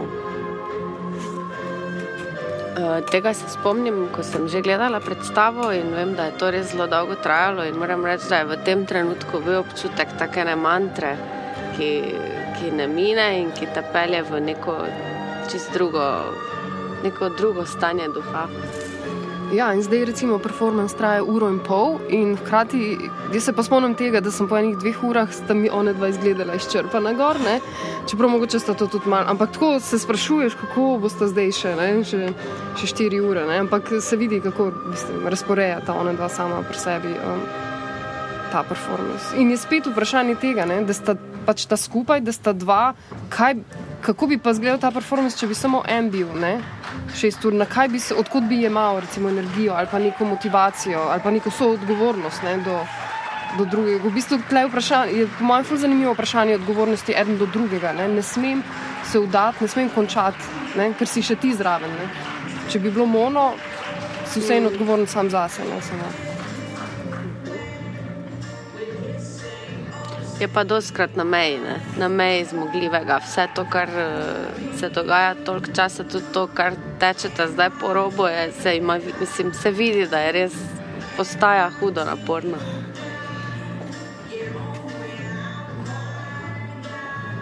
In spet nova glasbena podlaga, to je Amy Winehouse. En intermezzo, ki morda spet nima toliko veze z skupaj, kot pa z predstavljanjem nevladne scene na Boršniku. Ampak a so bili kdaj betonovci na Boršniku ali v spremljevalnem ali tekmovalnem ali pa kjer druge tako um, bolj prezentne predstave iz off scene na tekmovalnem ali tekmovalnem, predvsem tekmovalnem uh, delu Boršnika? Um, jaz mislim, da če že. Ne, ampak mislim, bile so predstave, recimo, vije negative, ne, um, ampak je bilo več ali manj v spremljevalnem. Ne. Mogoče, če, mislim, potem je bilo že vprašanje, se mi zdi, da ko so bile prvo zmagovalne predstave iz mini teatra, je bilo že to. Ne, Bartleby je bil takrat, ja, pa recimo tudi lani se je začela ta, ne, se je začelo s tem, ko je dobila nemoč, ne, se pravi neka zelo mehna predstava s takšnimi in drugačnimi sredstvi, se je začel dajati nek. Uh, komentar na to. Ampak načeloma je bilo vedno to nekako eh, spremljevalni program, je bil prostor za druge, za neuvrščene. No. In pač se mi zdi, da ja, tle s časom pride to, da ne vem, zdaj pač jaz osebno ne, ne, gled, ne delam razlik, ne, to, kar v bistvu že ponavljam vse čas. Uh, da gledaš dogodek in predstavo, in se ne obremenjuješ s tem, kje je nastal, kdo ga je naredil, s kakim budžetom. Malo bi se še navezala na, na dogajanje na odru. Uh, Marko in Leja še vedno uh, tečeta v krogu, zdaj je sicer med njimi, sta bolj oddaljen, oddaljena drug od drugega, kot sta bila prej. Um, na platnu pa se je izpisal uh, in vesta čas ostal v bistvu napis uh, krog za krogom uh, pogača. In Marko se slači. Ja, pajkice so šle dol, pod pajkicami pa že vidim samo še kratke hlače. Ampak možno, da je glede na to, da se prej oblačijo, je možno, da so še tri spodnje hlače. Možno, Meni se nekam slutim, da je tako bilo. Ja. Ampak je zanimivo, da se to je tudi pač ta pogojevanje tega časa in trajanja, kako si za neko dejanje. To, da se on zdaj te pajkice bo slekel, bo trajalo 10 minut, ne, sigurno. In potem vidiš, kako so, je norih teh šest ur in hkrati zelo logično, glede na to, kako se loteva ta ene posamezne akcije. Ne.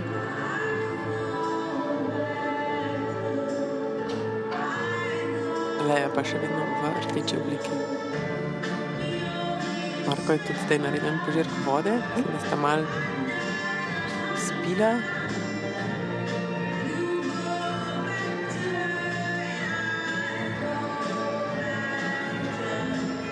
Zdaj oba dva hodita po nekih, um, ker Marko recimo si je, slik, si je slekel pajkice samo do gležnjev, tako da v bistvu še zmeri obut v pajkice. Uh, in je v bistvu Leja pa tudi je vzela nek rdeč kos uh, blaga, tudi po katerem hod, kar tudi v bistvu vpliva na, na njuno, njuno gibanje.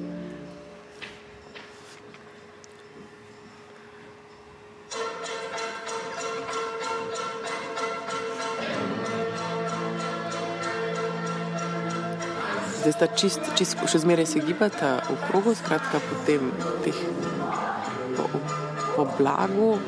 To, kar zdaj počnete z rokami, je v bistvu eno tako geometrijsko gibanje, eh, ki prihaja iz jazz baleta, eh, ker je v bistvu tam v 80-ih smo večina plesalcev ali pa tudi 90-ih je v bistvu začela na ta način eh, skozi neke te jazz baletne forme. Mm.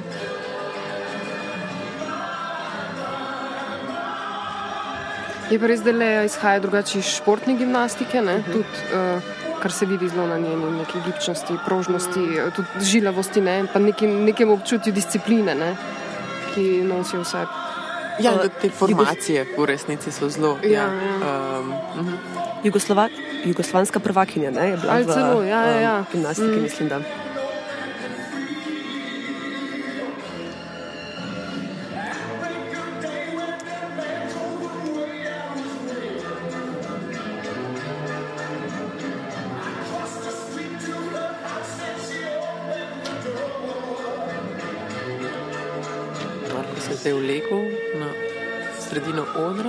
Na bok. Lego se je dal ne, eno roko pod glavo, Leja se uleže nasprot, ista formacija telesa.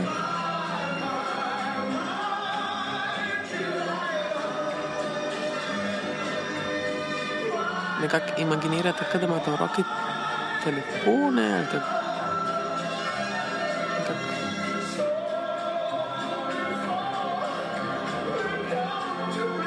nepremično, ležite na boku, gledate drug druga. Glasbena podlaga, glasbeni komat pa je spet ta znan, bom vedela naslova. Uh, Dalajla od Tom Jonesa. Aha, no, Aha, okej, no ja. tako je.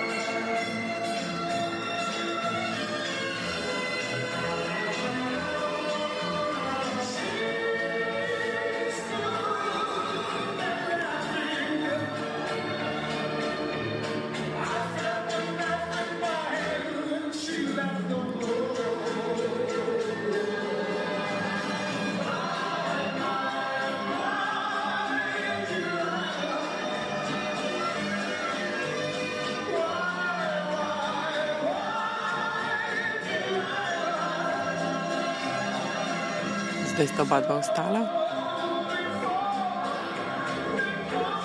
Se prela za roke, stoji hodita obrnjena drug. Obrnjena sta drug proti drugemu, Leja hodi ritemsko, Marko naprej, Leja hodi spet proti temu robu odra, ustavlja se tik na robu, zdaj sta se spustila za roke.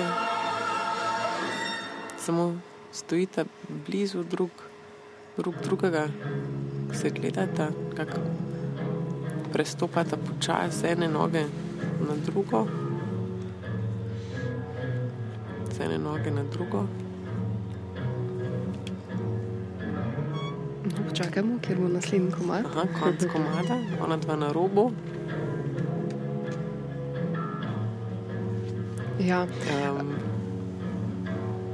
Ja, eh, pomislila sem, da bi bilo recimo Marka zanimivo vprašati, ne, kako vidi primerjavo. On je eh, pred leti nazaj, ko smo imeli v mini teatru te eh, cikle branja romanov, je od začetka do konca prebral roman Josefa eh, Winklerja, ko bo nekoč tako daleč, kar je trajalo 8 ur. In bi bilo zanimivo ga vprašati, kako primerja fizičen napor z racionalnim. Ne. Čeprav meni se 8 ur za Winklerja ne zdi tako veliko, no, mislim. Sam, ja. no, ampak vprašanje tega časa, kako je pač mm. brati 8 ur v kosu, Ja. ker očitno, kot razumem, to Ja. bilo, se, se spomnim. Ja. Po mojem vprašanju je tudi, če on vedel, kaj bere, ne? ker to, to je tudi doskrat pri radijskih špikerjih, ki pač preberejo, ampak ne vejo, kaj so. Ker bi ga pol vprašal, a veš, kje novico si prebral, v bistvu ne ve, ker je fokusiran toliko na, ne, na pravilno izrečenost, če imaš ti neko o, občinstvo. Ja, vsekakor zanimivo vprašanje ja, za Marko, da bi to bilo. Ampak eh, tukaj v intervjuju on je celo pozabil na, na to. V bistvu ga leja spomne, se ti si že enkrat eh, delal nek tak performance. Tudi on je že pozabil teh 8 ur, Aha, da no, no, recimo, ja, ja, pol pa res, ja.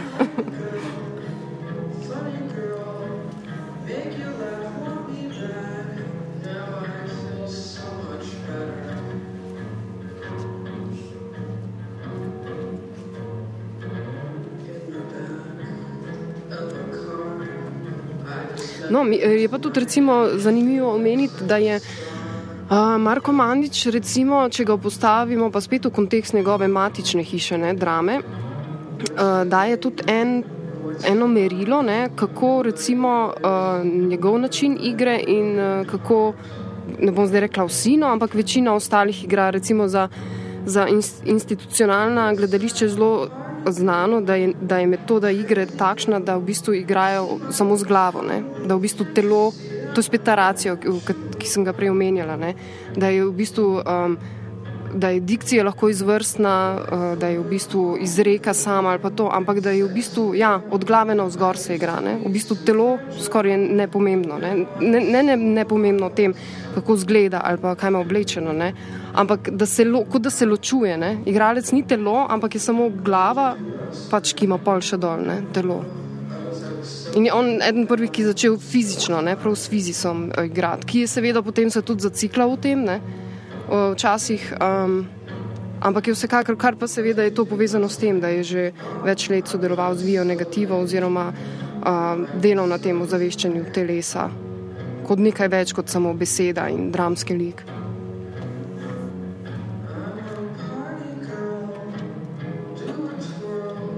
Na odru Marko in Leja še vedno tesno skupaj, drug, drug ob drugem, dotikata se drug drugega s celimi telesi, gre spet za ta prenos, teže, konstanten dotik telesa ob telo in v bistvu spremenjajočo kompozicijo.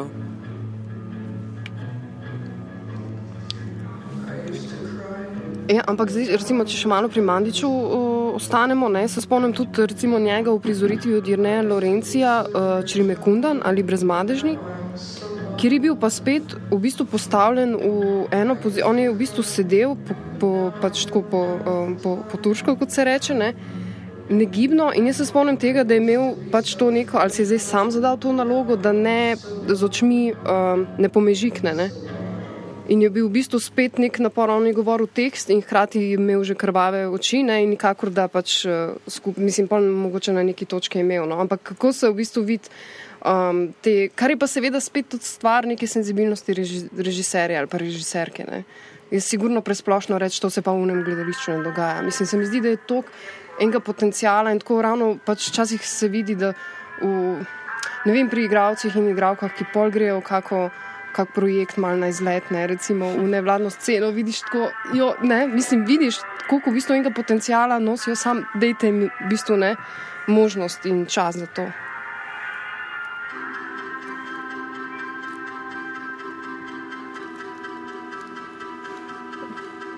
Marko in Leja zdaj v objemu.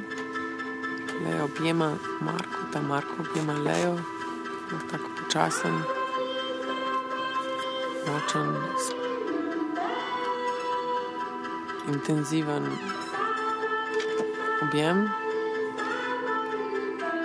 prihaja v, v, v stiskanje.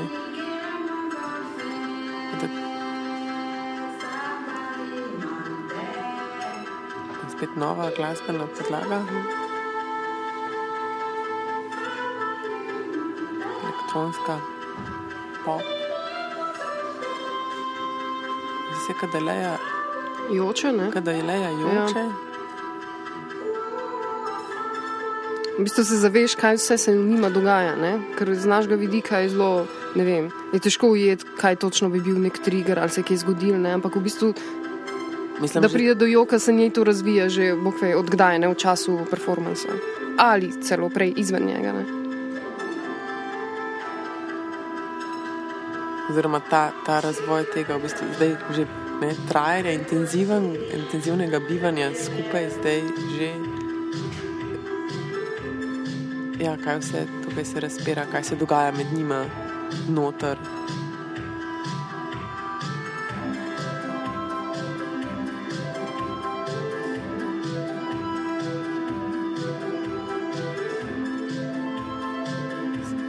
Zdaj sta stopila nekako korak narazen, nekako nista več tako zelo skupaj. Aha, igrate se to, to igrico, nekdo nekoga žgečka po, po spodnjih dlaneh in drug ga hoče udariti. Skratka, neka taka otroška igriva, energija navihana se zdaj vzpostavlja, spet bolj tak stakato.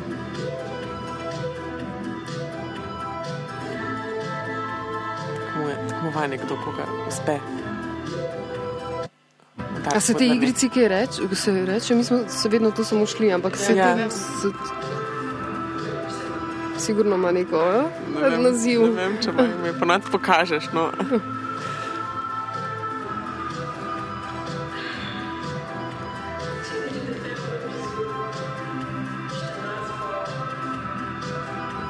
igrica, še zmeraj se gre sta to igrico, ampak nekako postaja če dalje bolj plesna.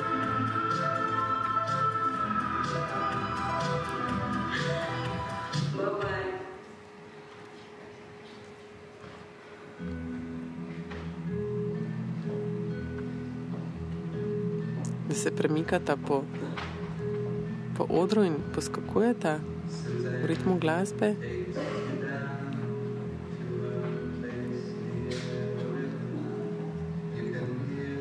Se je ustavil, je tišina, ampak ona dva nadaljujeta v bistvu z isto, z isto energijo.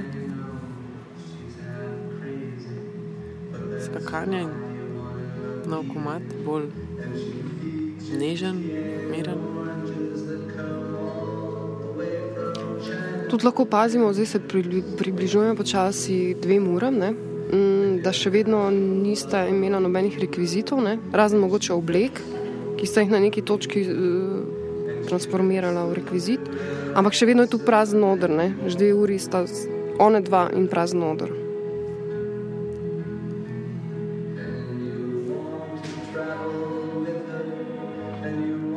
da stojita pri miru, en obrnen proti drugemu, v levem kotu, zadaj.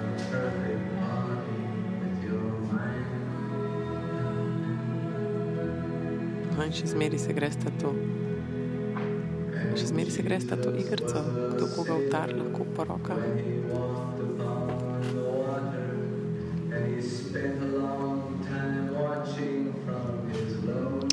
Zanimivo je tudi vprašanje, recimo pri njima, ne, pa bi bilo tudi recimo za Timoteja Palino to vprašanje, kako recimo vidva berete tu ali pa če ste kdaj videla predstavo. Ne.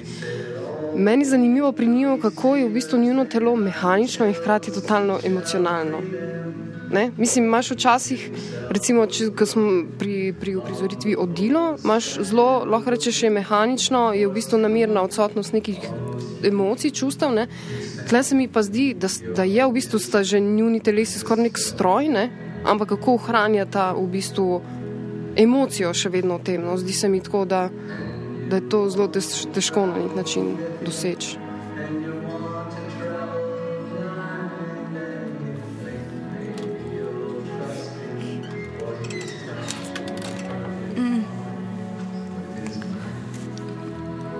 mislim, zdaj ful težko rečem, ampak nekako moj impuls pa je bil, da je mal, da, da oboje je težko, ampak oboje tudi ne. Zaradi tega, ker se mi zdi, da recimo v primeru skupaj ta fizična aktivnost. Da te tudi požene v neko emocijo. Jaz vem, da recimo pri nas na igri je včasih tako, da, da za mizo sploh nekateri, ki so bolj fizično naravnani, da, da ne morejo priti do neke interpretacije. Recimo, ko pa pridejo v prostor, se pa zgodi ravno obratno, da te v bistvu ta neka fizična akcija, fizičen napor, fizično neki lažje ponese v emocijo, kot pa nekaj statičnega. Recimo, jaz vodila sicer nisem videla, sem pa videla eh, prejšnja dela od živadinca in se mi zdi, ja, da tam je pa pač neki čist drugačen ker, ker je popolnoma mehanično, je odsotnost neke, neke emocije in zahteva neko posebno koncentracijo in nek poseben napor, ampak se mi pa zdi, da, da je neke, nekako iz stališča igravca vsekakor to, kar počnete recimo s uh, Marko Mandič in in pa Leja, um, ljubše, no? da morda tudi lažje, bolj živo, bolj nekako človeško. Ampak se mi pa zdi res, da fizična akcija veliko krat prenese neko emocijo. In tu se mi zdi tudi, ne vem, zdaj tudi fizičen napor v njenem primeru. Ta jog leje je absolutno emocionalna, pa tudi glasba ima full da. Ampak se mi zdi tudi ta nek, nek napor, neko izčrpano telo, da, da ti da stran vse nekih, nekih odvečnih. Um, nekih Tenzij, misli, kakorkoli, in se v bistvu lahko zelo spustiš na neko primarno emocijo, da samo od sebe teče iz tebe. No. Ki pa je spet fizična. Ne? Ki pa je fizična, ja. Ja, neka fizična. Ja. Mm.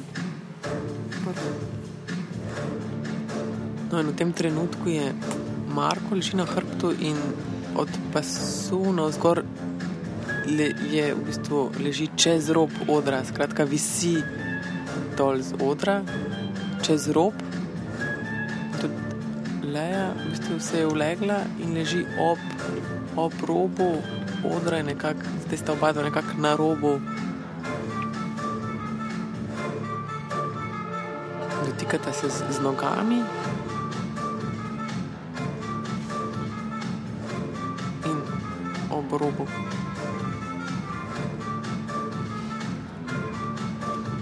Zdaj se pomikata v bistvu ob robu, ob stranici. Na tleh sta.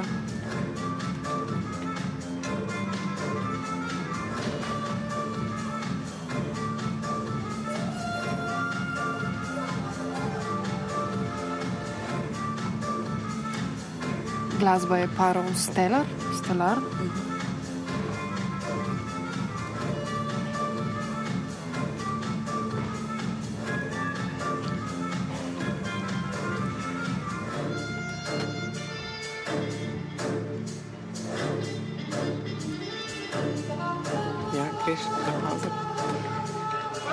Skočim zdaj še jaz na pauzo in na vece. No, se vidimo. Jo.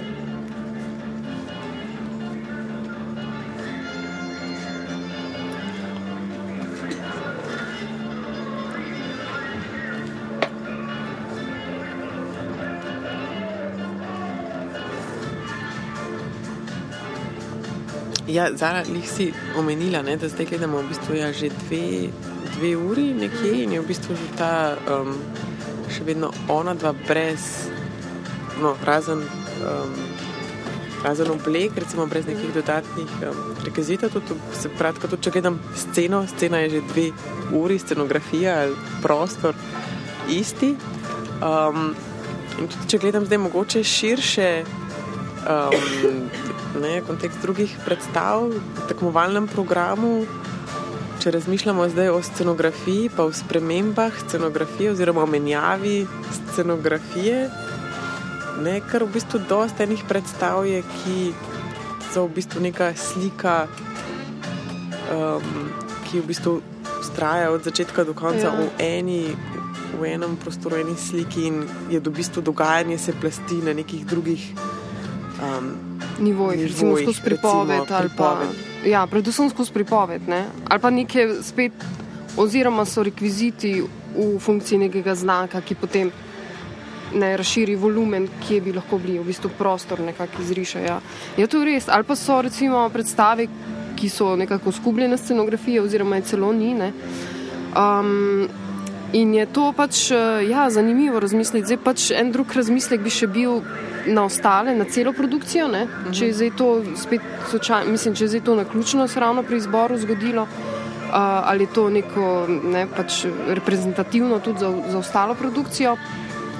Ja, tle je vprašanje. Ne? Mislim, vedno imamo ta formalni izgovor, da ni denarja za scenografijo, ne? ampak jaz mislim, da tudi smo že ugotovili, da je, da, da je odklon scenografije zelo tudi načelen, ne? režijska, konceptualna odločitev. Um, jaz ne vem, jaz pač veliko bolj to razumem, da se predstave, ki se odrečejo scenografiji, hočejo posvetiti in približati igri in igravcu in s tem tudi seveda neki bolj intimni relaciji z občinstvom. Ne? Um, se mi zdi, da ja, že to, da potem morajo tisti, ki igrajo, meni prikazati, naslikati, vzpostaviti scenografijo, že to meni doda neko dodatni nivo, um, recimo pozornosti ali pa ne vem, in, intimnega opazovanja, recimo tistega, ki, ki mi to pripoveduje. Um, tako da ne vem, jaz mislim, da je to neka, ja, seveda zraven gre zraven s tem da je to en tak uh, značilen pristop uh, sodobnega gledališča, pozdravskega gledališča, ki teži destrukciji, uh, načelnemu zavračanju vrednot ali pa tistega, kar je bilo prej vzpostavljeno. Po drugi strani lahko to gledamo znotraj recimo kontekstov, kako se je. Na evropski ravni, pa tudi v Sloveniji, kakšne so bile v bistvu te valovi od um, gledališča besede do gledališča podob, in kako se potem spet vrne recimo, v gledališču besede. Ne? Meni se še vedno zdi, da se dan danes ogromno spet govori ne? v prizoritvah pri nas, um, tudi zaradi teh pripovedi in to. In je pač res, ne? včasih, ko pomisliš, najbrž gre to eno z drugim, ne? s tem porastom pripovedovanja, ker se mi zdi pripoved sama o sebi v svoji naravi ima to, da pripoveduje sama, da ne potrebuje zdaj v zadnji neke scenske kulise ne, ali pa mogoče niti zvočne, ne, uh, ker s tem zgubi, zgubi v bistvu svoje, svoje bistvo ne, ali pa svojo uno, dragocenost, ne, da si sami nekako to predstavljamo. Tako da jaz mislim, da gre to ja, e, eno z drugim. Ja.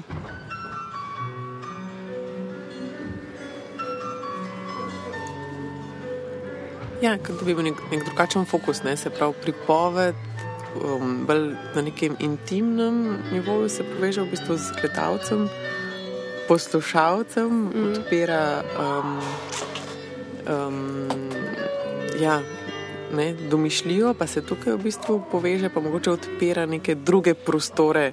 Mm. Um, mogoče men, mentalne ali pa domišljijske, ne, se pravi, mogoče ja. ne. Ja. Um, pa tudi se mi zdi, da gre fokus potem, se pravi, in na prepoved, in na samo uh, temo in na mogoče razmišljanje tudi o temi, ne premislek, ja. če zdaj gledamo, se pravi, um, ne, ja, se pravi, visoka kronika, pa sem kresne noči, kjer pač ja. gledamo neko ne, eno sliko in sledimo mm. ne, pripovedi, potem recimo ne, uh, šest. To je v mhm. bistvu statično v, v postavitvi, ja. če zdaj tako mm. gledam vizualno, ampak izredno uh, močna in intenzivna na, na, na čustveni, pa uh, te, kaj, v bistvu, kakšen premislek ja, meni pač v bistvu, stroš. Ja. Recimo tudi teror spet je predstava, ki pač je uh, spet neka, neka statika v, v, v samem vizualnem, ampak mm. spet vprašanja, ki jih sproži zelo. Ja. Ne, neki, da bi se v neke druge svetove mogoče zdaj premikali ali fokusirali. Ja. Ali... ja, se mi zdi, da pač izčiščenost scene je tudi zato, da da več, večji prostor razmisleku. Uh mhm. -huh. Oziroma temu, kar je normalno. Tudi če vsak dan pogledaš, več ko imaš držljajo, manj se lahko enega, enemu posvetiš. Uh -huh. um, Po drugi strani pa tudi to, kar se mi zdi, da smo se že pogovarjali, da smo dan danes res podobami zasičeni povsod.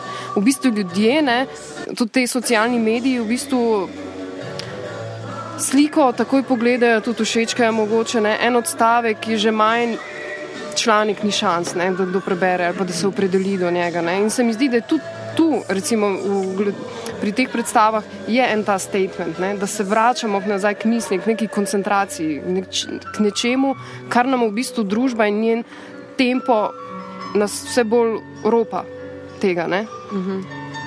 Tudi skupaj je pač en ta komentar, ki sem že omenjala.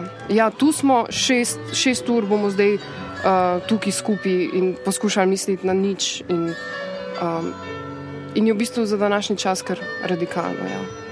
Ker se mi, se mi zdi, da smo se ljudje že pač prav tako, ne vem, fiziološko, ne vem, možgani se seveda ne, spremenijo. Ne. Se pač je ta neka koncentracija, recimo zdaj, ne vem, to lahko vsak tudi zase pove, ampak jaz se spomnim, pred leti sem zaznala, da v bistvu ne morem več, mislim, da recimo sem se spravila brati knjigo ne, ali pa nek članek in sem videla, da kar jaz hočem odložiti, meni se več tega ne da. Ne. Kljub temu, da sem prej celo življenje brala in to in sem rekla, ok, stop. In to je prav tako uno, ko tečeš, pa pol vmes nisi teku, pa v bistvu si rečeš, ne, jaz hočem, ne, še vedno teč, se pravi, da moraš zdaj ti trenirati. Ne. In se mi zdi, da je to neka koncentracija, ki jo moraš trenirati. Ne. In gre seveda eno z drugim. Ko enkrat zgine koncentracija, ko enkrat nismo več sposobni uh, brati daljših knjig, daljših člankov, gledati daljših predstav, pomeni, da nimamo koncentracije, da nimamo, in kar pomeni, da se z nami kot družba lažje manipulira. Uh mhm. -huh. Ker nihče več, in ravno te predstave, recimo šest, ne, to, kar sem že govorila, je v bistvu to, da ja, vsi vemo, kaj se je. Kaj se je zgodilo, ali kako se je končal, nihče pa ne pozna, malo je teh, ki pozna kompleksnost te zgodbe in ozadja. In kako lahko to zgodbo ti apliciraš na nekaj, kar se je tebi zgodilo, ali pa se ti še bo, mogoče čisto na birokratski ravni.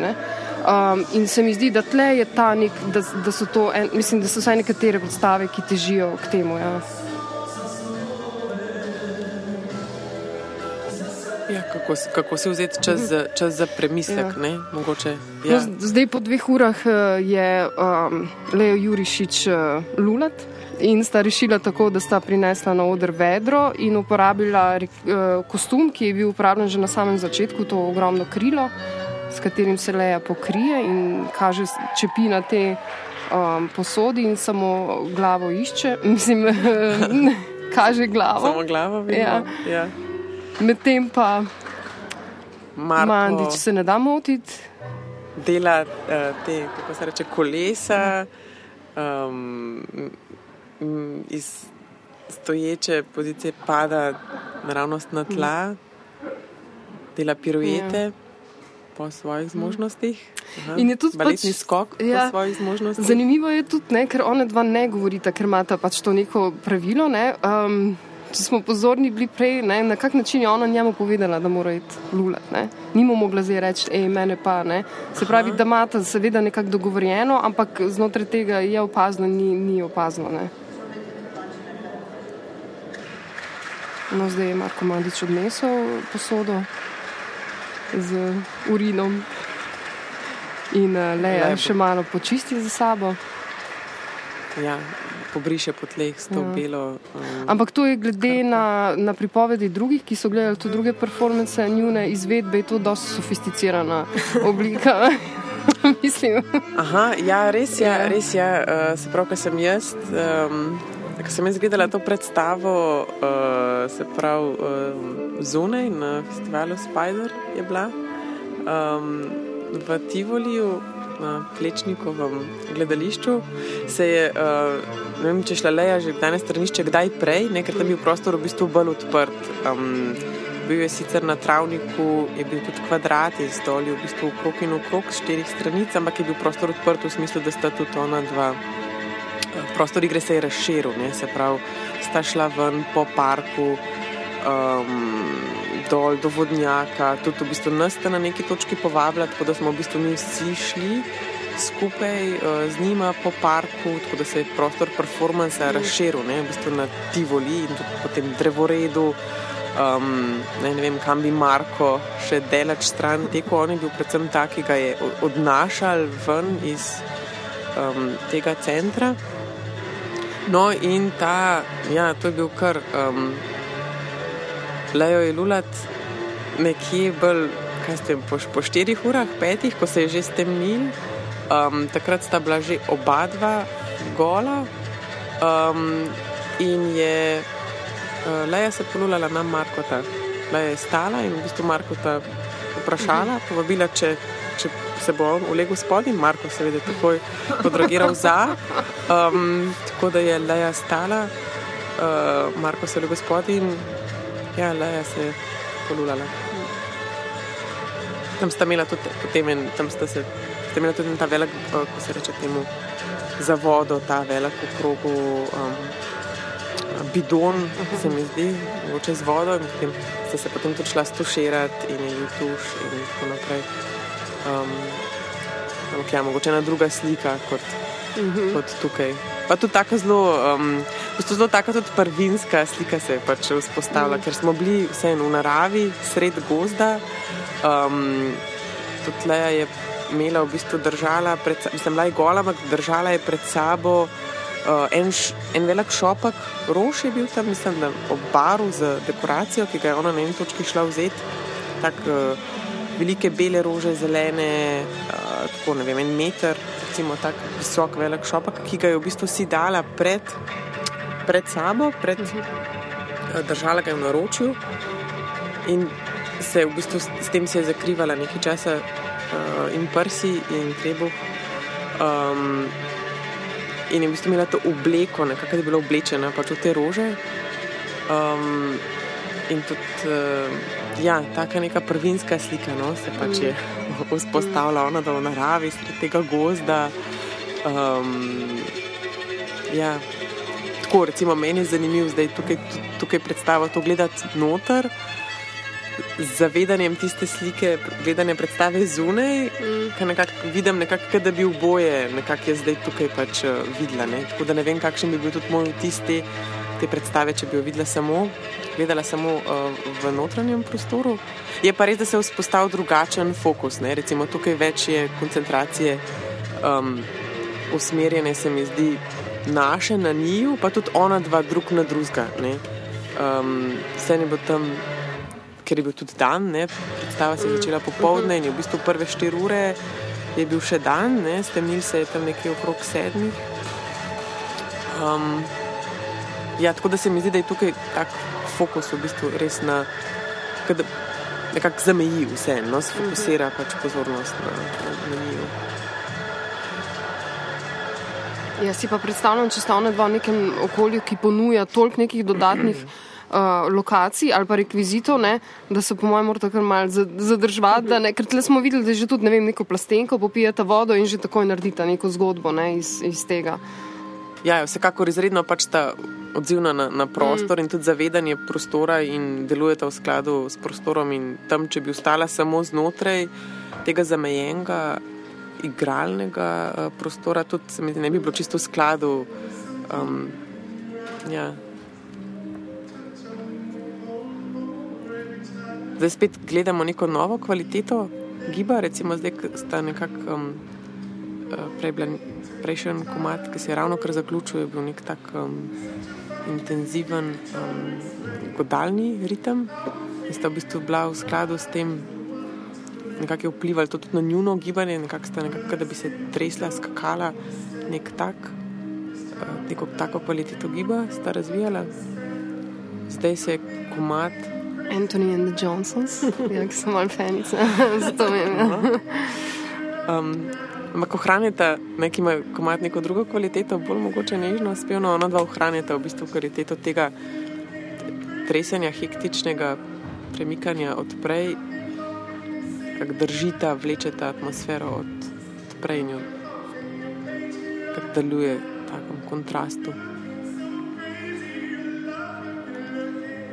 Ne, ampak zanimivo, ta komat v bistvu je to. Uh, um, ja, remix, ne? v bistvu kako iz neke popkulturne, v bistvu, um, kako se zgodi transformacija. Uh, ne, ne, v bistvu ta pesem postane res lepa ne? v izvedbi nekoga drugega. Ne?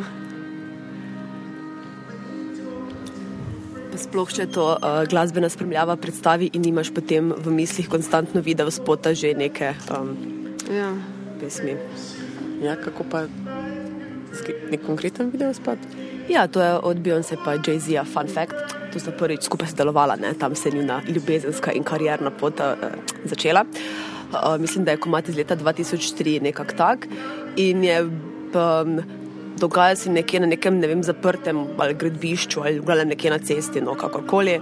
In je potem tam ogromno nekega, ne vem, poskakovanja, plesanja, um, avtov, um, ognja. Ja, ono, Pač mislim, res ta nora v tej ljubezni ljudi. ne.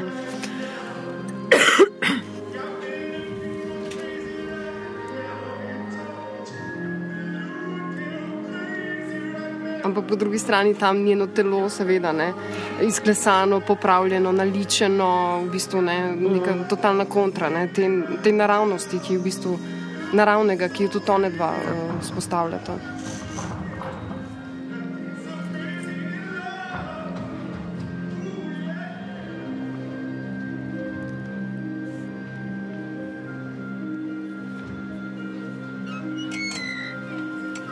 Kako na vas ostale učinkuje glasba v predstavah?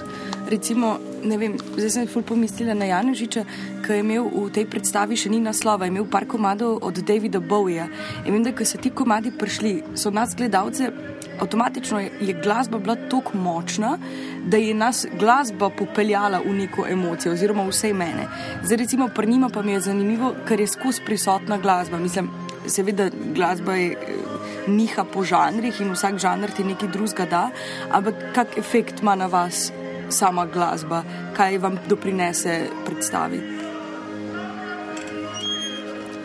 Eh, Pri meni osebno recimo, je zelo odvisno od primera do primera.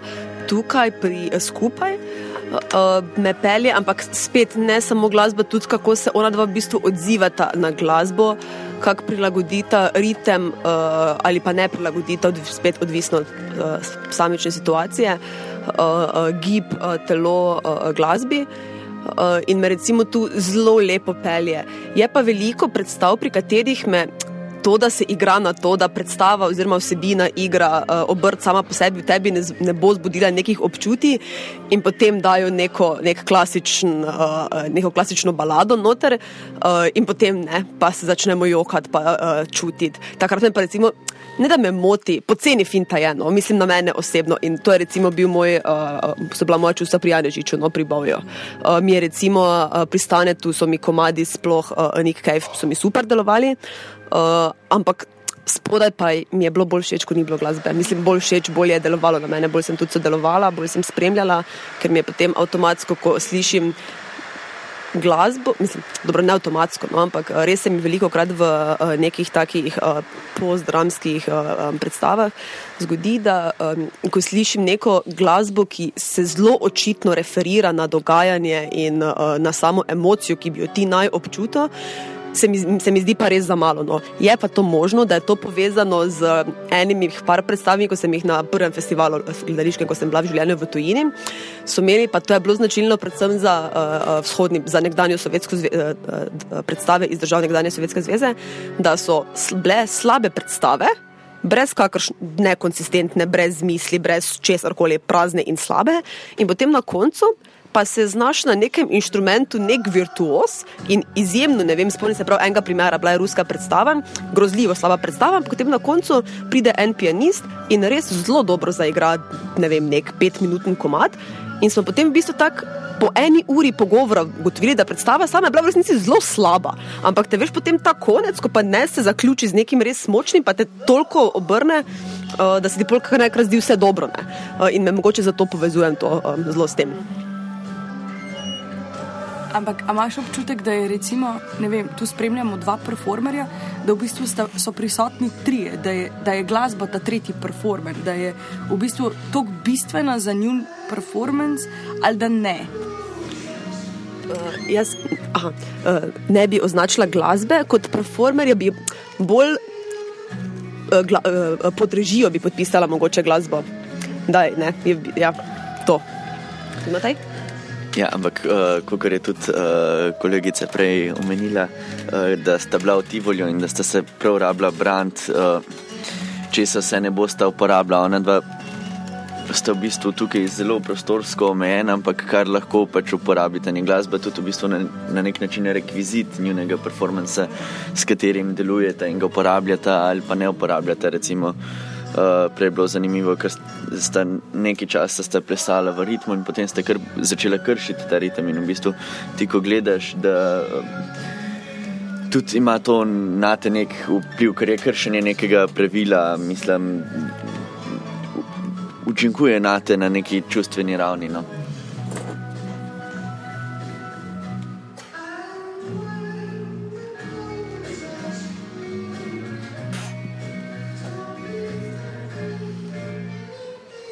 No, predvsem se moramo tudi zavedati, da to ni besed, ne? ni dialoga. Ne? In pomisliti, kaj bi bilo, če ne bi bilo glasbe ne? v tem performancu. Včasih je tudi zelo ti, mislim, ne glede na to, kako prekaljeni gledališniki smo. Ne? Še vse, mislim, šest ur gledati, dva v polni tišini, ne? pa po mojem bi, ne vem, mogoče, jaz ne vem, če bi zdržali, ne? vsi spet. Če bi bil govor. Ne, da, da bi bilo tako, kot zdaj, samo še brez muzike. Aha. Ne? Da nadomešča vse in eno, ne nekim, vsaj trem, pa moraš imeti zadoščeno. Ne? Se pravi, pač, da, da nekako pač se. Ne, neka fizična prisotnost, recimo zvok, nek, kakršen koli mm. že, recimo vsaj tono.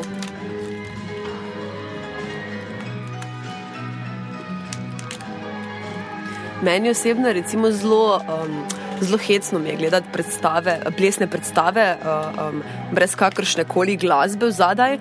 Um, ker takrat potem res slišiš to, to potanje in priskoke, uh, uh, mislim, um, skoke, uh, uh, kadarkoli se v bistvu uh, noga dotakne uh, tal, je res um, toliko učiten zvok, pa ne da je mu teč, ampak te vseeno. Um, se potem jaz, ki se recimo na ples ne spoznam za res, se potem vedno začnem spraševati a, a, a, o, o, o nekem fiziku, ali je to ok za telo, je, zakaj pristajajo na pete, zakaj niso zvadili, da bi ne, mislim, te stvari, pa se, verjetno je to um, zelo ne, um, um, relevantno. No?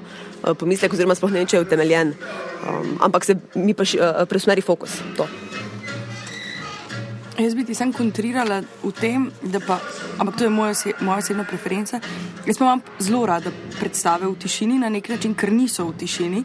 In ravno to, to, to potanje, ti vzdihi, to, vem, ko slišiš kaplje, uh, pot, švica, ki gre na tla, mislim, to vse ustvarja nek ritem samemu plesu. In recimo to za me je kot glasba in doda neko čist drugo kvaliteto, kot če bi, imel, pač, kot če bi bila prisotna dejansko glasba, ki lahko tudi morda v nekih primerih rešuje. Jaz vem, da recimo. Mi moramo na akademiji ob koncu tretjega in četrtega letnika, um, imamo uh, buto, imamo pri Tanji zgonc in mi moramo narediti desetminutni solo performance. In je fulje zanimivo, da v bistvu čisto vsi smo imeli tendenco odplesati v tišini, ker se nam je to zdelo fulj dobro in ravno to, da, da ne bo tišina, da bo, da bo eh, ravno naše telo bo samo proizvedlo v bistvu zvoke, ki bodo dale eh, performancu kvaliteto, ki jo želimo. Um, ki bodo dali sporočilo, ki jo želimo, ampak nas je profesorica zelo hitro ustavila in nam je zelo priporočila, da si izberemo glasbe, ker odplesati v tišini, to je tako izjemno težko. Ravno to, da, da uspeš v tej, v narekovajih, tišini zadržati pozornost gledalca. Mislim, to moraš biti res iz, izjemen in moraš imeti zelo močno uh, koreografijo, sporočilo, ti kot performer moraš biti poln emocij in vsega, da lahko v bistvu držiš, um, držiš nekako pozornost gledalca. Ampak ne vem, sama sem, mislim, zelo rada nekako uh, plesati v tišini. No? Ja, ampak se mi zdi, da to ne nekaj, kar si prej omenila, da te zmoti to, da slišiš, kako pade na, na tla. Ne? V bistvu, po mojem, vse nas to zmoti. Mislim, da izhaja to iz te naše podobe, ne vem, baleta, ne? Mm. recimo, kjer je zraven že tako lahkotno, vsi neki v luft, nabi, nabita glasba zraven. Ne? In človek je kot neko peresce, ne? in pa kar naenkrat ti vidiš, da v predstavi ne, on zelo ne, konkretno je v bistvu ta zvok prisoten, sam da ga tam nisi, mm. nisi slišala. Ja. Ampak te na nek, ja, ker pač prekine to neko. Um, idealno podobo, ne, tako, ki, tako. Ki, si jo, ja, ki si jo premela. Um, ampak tudi je zanimivo meni to, da sem zdaj recimo, v zadnjih letih že parkrat slišala, da, recimo, da so mi rekli uh, skladatelji, ki so delali pač glasbo pri plesni predstavi, kar je zelo nenavadno, ne, da so v bistvu oni morali narediti glasbo glede na že izdelano koreografijo. Ne? Kar je pa spet se pravi, da je koreografija vseeno nastajala v tej tišini. Ne? Mm. Mislim, da so mogoče imeli kakšne neke uh, izhodišča ali pa tako, ne? Ref, pač neke glasbene reference. Ampak spet se mi zdi nenavadno, ne? tudi za samega skladatelja, v bistvu, ne? da mora na. Ponovadi vedno misliš, da je, da je obratno, ne? da je zvok tisti, ki daje poriv gibu.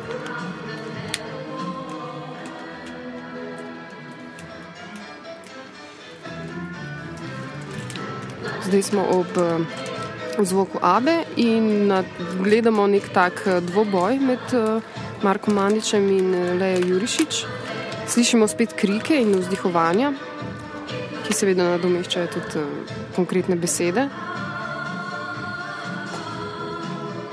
On jo je poljubil, oziroma jo poskušal poljubiti, in ona je v tem času med njiju na njiju uh, polila kečap.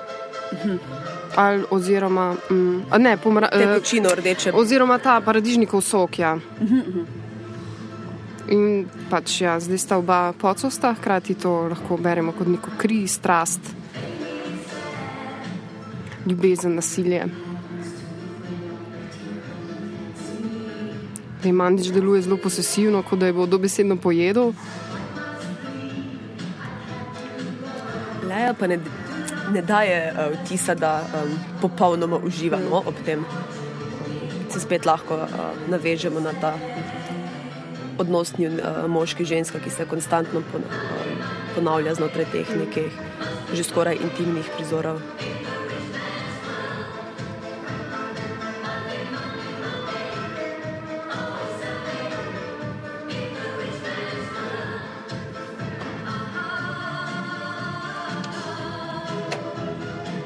In spet imamo ta moment, ne? ona je v bistvu res malo predtem šla popit ta paradižnikov sok in evo, v naslednji sekundi je že rekvizit, ne? Ja. se, Ja. že, se že z njim polivata. Tako da pred njima moraš paziti, kaj daš v njuno bližino. Mogoče pa zato tudi, uh, da ni participatoren uh, Ja. projekt za tiste, ki so že enkrat gledali. Pa.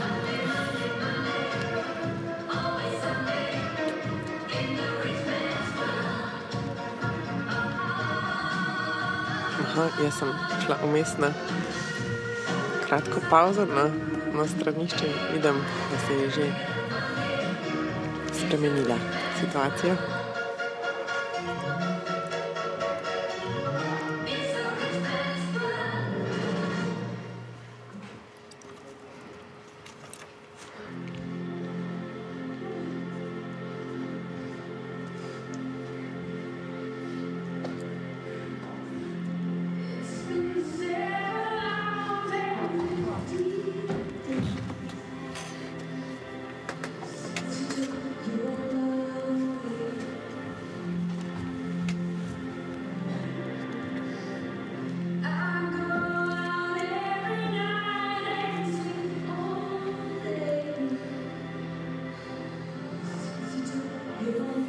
V bistvu, kar gledam, je nekaj, kar spet prehaja med tem, da ne vem. Ali gre v bistvu to za nek intenziven, močen, močen objem, ali gre tukaj za, za to, kdo bo nekoga ali, mogoče zadušil, ali ga, ne, gre, gre, za, gre za agresijo, ali gre za ljubezen, ali gre to konstantno prehajanje med tema dvema čustvoma. Ja, prej smo imeli občutek, pa zdaj je tudi malo preko, da on hoče njo pojesti. ne. In Aha. se mi zdi, sem se zdaj ustavila v tej frazi, kako rečemo, ko smo zaljubljeni, ne, jaz bi tebe kar pojedla, ne, in kako je Aha. v bistvu to fulkrudo, ne, v bistvu dejanje na nek način. In tudi tu zato ne vemo, ne, ali je to iz strasti, ali iz upora, ali iz nekega. Um, Včasih bežimo od stvari, ker se jih bojimo, ne, ampak se jih hkrati želimo. In na kateri Na kjer, točki smo zdaj prišli do golega Mandiča, kdo bo pogledal. 2 uri 17. No. 2 uri 17. Ja, Marko Mandič leži na tleh in Leja Jurišič mu je druge za drugim slekla te spodnice, ki jih je bilo res kar, kdo štev? Štiri. Štiri. No, ampak Marko je zdržal skoraj polovico predstave. Ja, ker sem jaz gledala predstavo um, v, skratka, no, v, v Tivoliju. Ja, človek pogleda na uro, ne? res. Um, in je bila, mislim, da je bilo 36 minut. Oh, okay.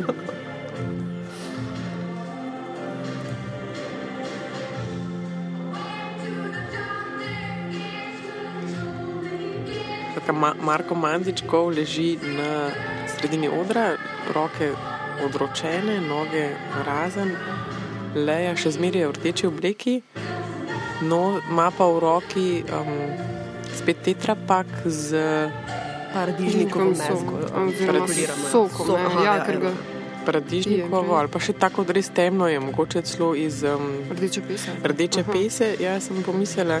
In v bistvu prav počasi zliva tekočino iz tetrapaka po njegovem telesu, ki se obarva rdeče. Poslušamo pa komat. Nothing compares to you, Sinead O'Connor.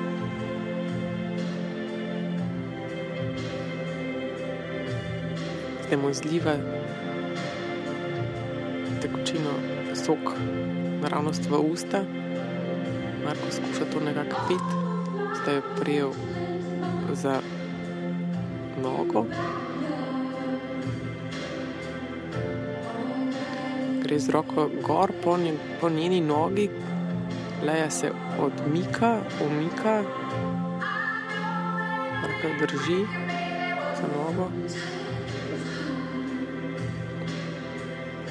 Leja hod stran. Marko vas oblit s to rdečo, sokom rdeče pese, ampak zgleda res, kot da bi bil krvavljen po celem telesu. Ta neka struktura, kako se je ta sok razporedil, kot da bi bil zdaj ali prebičan, ali so neke rane, neke razjede.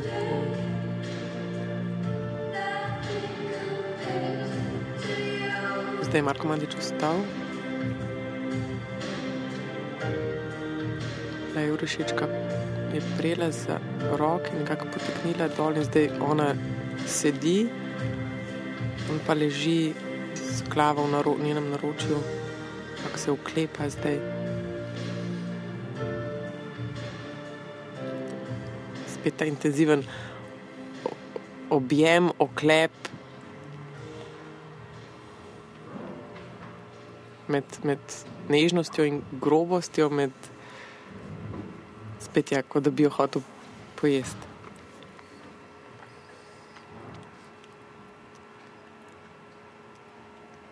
Ampak je ja, zanimivo, ne, kako v bistvu podpirata to neko imperfekcijo na nek način drug na drugem in tudi v samem odrskem dogodku. Ne, to, da pač polijeta in potem se uležeta na to in ne razmišljata o tem, ali je zdaj to estetsko lepo, ali je zdaj to, eh, pač seveda je to lepljivo tudi na njun, njunem telesu in tako. Ne, kako vse te neke stvari, ki jih nismo navajeni v bistvu videti ne, v gledališču, ker je tako izčiščeno, ker ne sme biti tako, ker bo prehitro preveč gnusno. Ne, prijeta na eno zelo, tako ima je lepo vseeno ne, za vse to.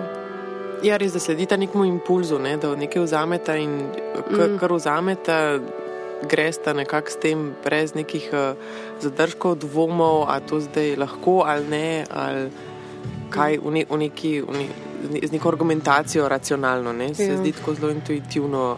Um, Gresta v to. Ker Tle tudi ne, potem se božata in ližeta in tako ne, ampak tle ne gre samo za ta sok, tle je že tudi ogromno nekega znoja ne, in se lahko samo predstavljamo za ta nek mix. Kako si morata biti v bistvu onedva blizu, ne, da dostopiš to v tak kontakt z nekom. Čeprav Marko že ima izkušnje z pitjem znoja in uživanjem. ja.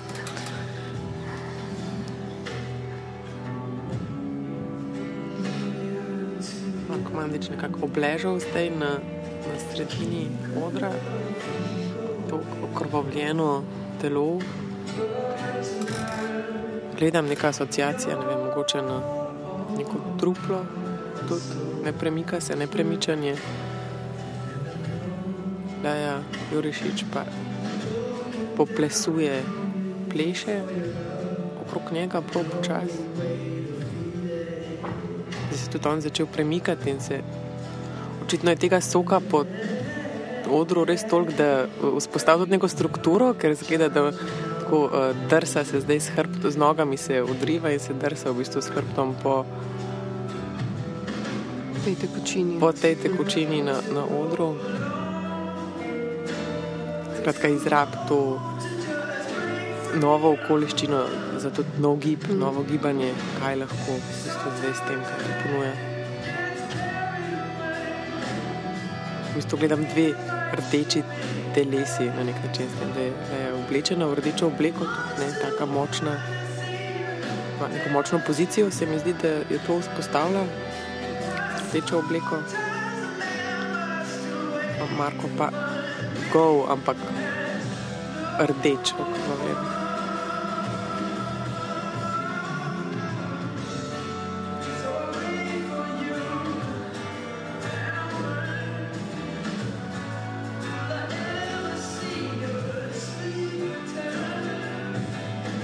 Zala, mogoče prej ne, smo začeli iskati neke te skupne točke ali pa usporednice predstavam mhm. celotnega izbora. Um, zdaj, ne, v, v, v, v spremembah scenografije smo, smo se pogovarjali, kako v bistvu dosti predstav spostavljati neko to enotno, izčiščeno um, vizualno sliko in kako so v bistvu prostori in razmišljanje, kako se to odpira uh, drugam. Um, mogoče še, če iščemo zdaj še mogoče kakšne druge skupne točke, kaj bi še bile. Ja, ne, pač en skupni imenovalec eh, ne, bi bila golota. Ne. Mhm. In to moram povedati in priznati, da sem jaz to ugotovila šele po selekciji. Tukaj ni koncepta v zadnji. Um, ja, ne, pač, ampak zanimivo je to, da vidimo goloto tako v instituciji kot na nevladni sceni. Ne. Bistvu je skoraj razmerje enako vredno, ne? na, nek način bi lahko rekli. Ja.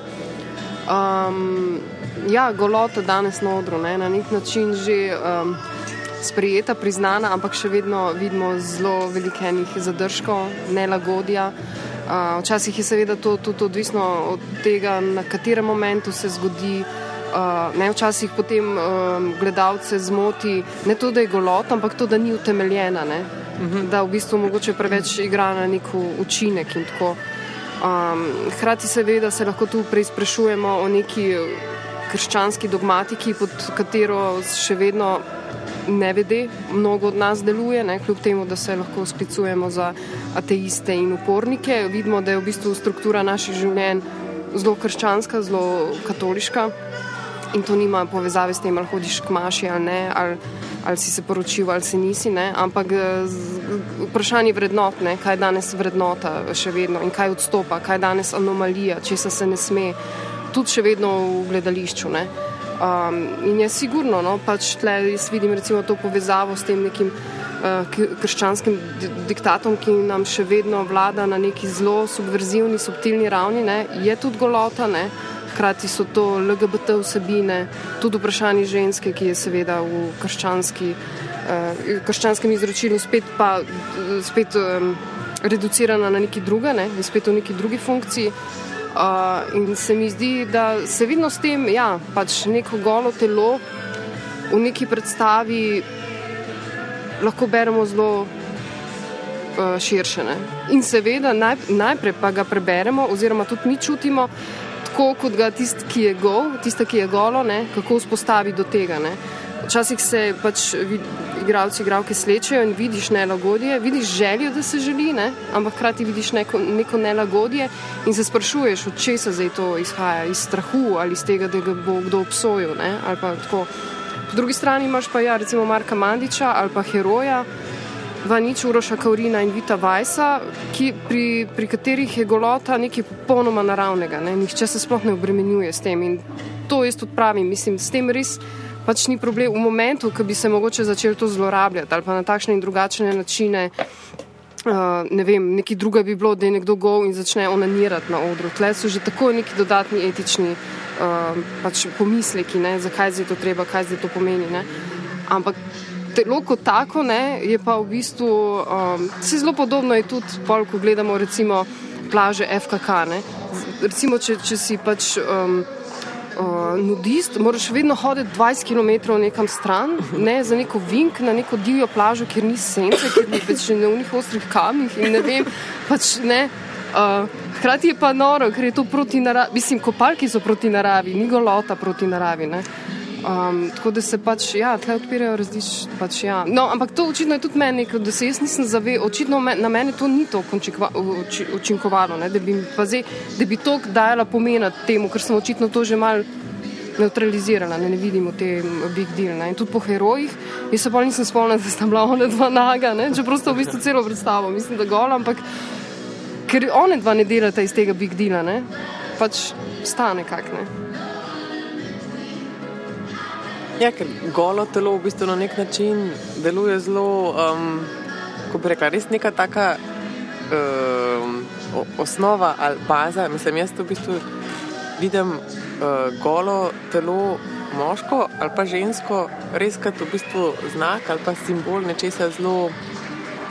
Kaj pa je s tem, res tako zelo prvinskega ali zelo naravnega ali nek tako res človek. Um,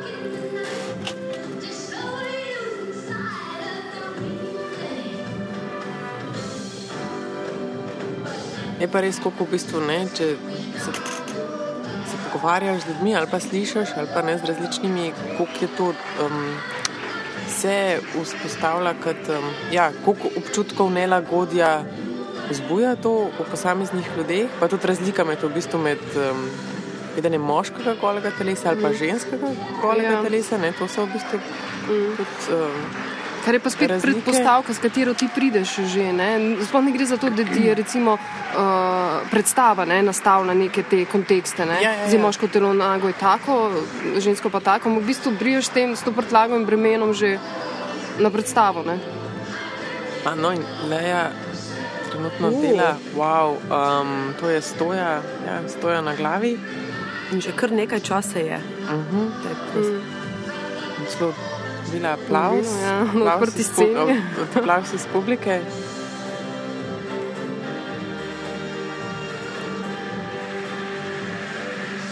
In recimo tudi v kontekstu tega pogovora, ne, zdaj tudi gledamo Marka, Marka Mandiča. Um, aha, in zdaj se Leja naredi ta gimnastični poklon na vse štiri strani. Mm. In se igra v bistvu s tem, ne. Publika ne, ne ploska več, ampak ona še v bistvu in deluje ta, ta poklon. No, med tem časom sem jaz pogooglala uh, Marko Mandič Golota. Prvi dva, prvi dva članka sta iz slovenskih novic. In drugi naslov je Goli Marko Mandič, ekshibicionist na odrskih deskah. Ne? Bom zdaj še malo pogledala, kaj je on je dal izjave in tako. Ja. Um, ne, ampak to bi bila sigurno uh, pač zanimiva ena raziskava. Ne, se... uh, tretji zadetek je pa iz žurnala 24, naslov je partnerjeva golota na odru je ne moti in je intervju z Pijo Zemljič. Ja, Tle smo ne, pri goloti in se bojim, da ta nek diskurs je seveda prisoten tudi v gledališču oziroma občinstvu. Aha, in da je tudi Marko v bistvu um, ponavlja ta gib, klejn na vse na, na vse štiri strani. Um, šel je, aha, in zdaj ima že nad sabo, šel je kaj po kečap ali nekaj takega. Ja, in zliva, polil se je zdaj s kečapom. Tako da je še bolj rdeč, ima tudi polivinil, polivinilasto vrečko. In zdaj bo stopil to polivinilasto vrečko da se je za, za, za, zaprl se v to uh, polivinilo vrečko. No, to, to recimo zelo spominja, to spominja na performance, ja, ja, ta njegov. Ja. In glede na to, da je imela prej Lea ta gimnastični moment, se tukaj ta v tem delu tako ja. malo mm, referirata mm, na svoje dosedanje uh, delo. Mm -hmm. Poslušamo pa Gotham Project. Ja, gre za performance Marka Mandiča, ki je stopil po livinilasto vrečko in v njej Švica. Švico. Ne vem, kakšna časovna omejitev je bila. In... Ja, ene pol ure, po moje. Bilo je tako, da je on bil zadnji in se je v spredi nekaj dogajalo. Ne? Uh mhm. -huh. In po preteku tega določenega časa je spil, spil ta švic. Na zdravju, še prej z zdravjem. Ja. Kaj je bilo, kar je en DC, kitajski. Ampak zdaj ta slika, ko jo gledam, ne, Marko se je se prav v tej polovini lasti vrečke, ampak preden je šel v vrečko se je polil s kečapom, kar pomeni, da je vse je, um, mislim, čisto rdeč. Ne? ne vidim zdaj skozi, ampak vidim samo to golo telo v plastični vrečki, popolnoma rdeče, tako zelo, um, ne, taka, predvsej, ne, nekaj, še kar srhljiva slika v bistvu. In tudi leja zraven, nekako, da bi nekako hotela neki, ne vem, neka mehkoba v njej, da bi hotela neki, kako stopiti v kontakt no, s tem, Marko je zelo v bistvu giba se, kot da bi bil ne vem, nek um, na robu preživetja ali neke, neke krči. Maternici. Ja. Hrati tudi neka recimo, aluzija na živali, uh -huh. ki so polno nek, ne, kot. Ja. No, mini anekdota s tem kečupom. Mislim, jaz sem gledala to na, na premjeri. In sem bila dokaj blizu in ta kečap je res. Mislim, to je tako grozljiv von ne, v taki količini. Um, in potem sem se z Maničem tudi pogovarjala in je rekel, ja, zato ker smo kupili nek Merkator kečap, naslednjič prosim, saj njega uno, ne, da bo pač.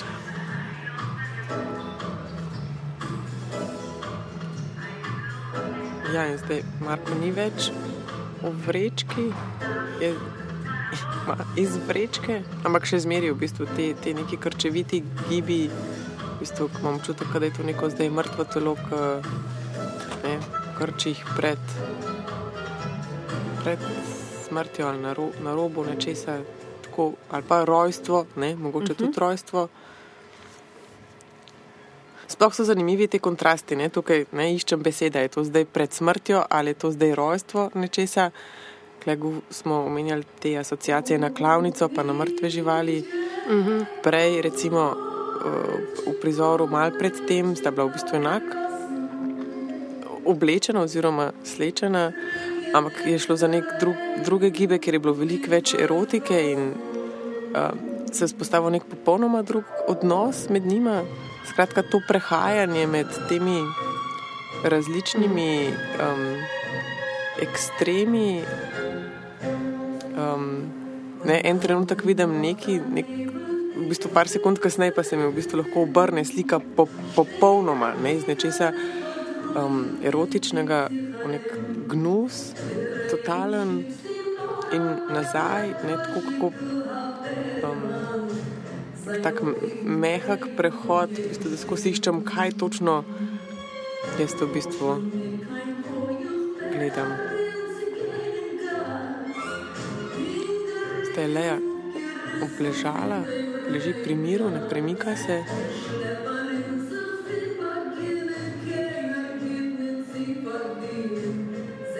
Marko se giblje počasi, ima skrčene in roke in noge, nekako po tleh, kot da bi padal z ene strani. V bistvu je samo s hrbtom, ne na nek način ja. se giba. Noče se upreti niti na roke, niti na noge. Ja, da drži roke in noge vse čas v zraku, le pa mal stran od njega, nepremično, v neki čudni poziciji, tako neko očitno mrtvo telo.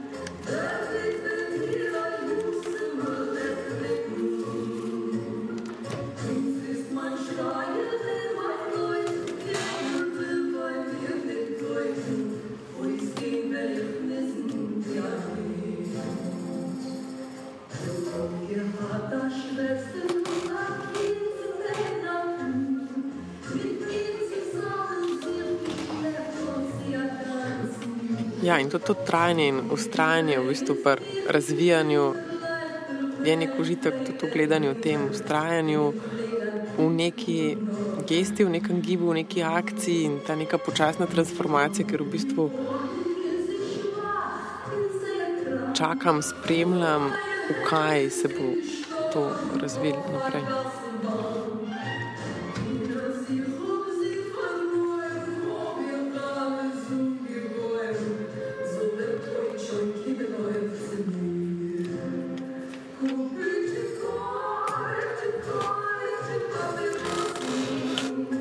Pa ko smo se še o skupnih točkah pogovarjali, je bilo ni tudi, da se pauza, prav da se pauza omeni, ja. doskrat ni tudi nek ta občutek, da me spomin zdaj vara ali ne, ampak neko to trajanje, pauze, čas.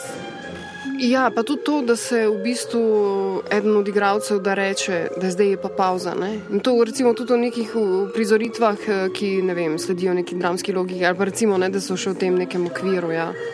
Uh, to je kar zanimivo. Ne, ker takrat, ko se je to začelo, je bilo tako, ne, seveda, big deal. Ne. Nekdo je pa zdaj rekel, da bo pa, mislim, smešno, komično, ne vem kaj.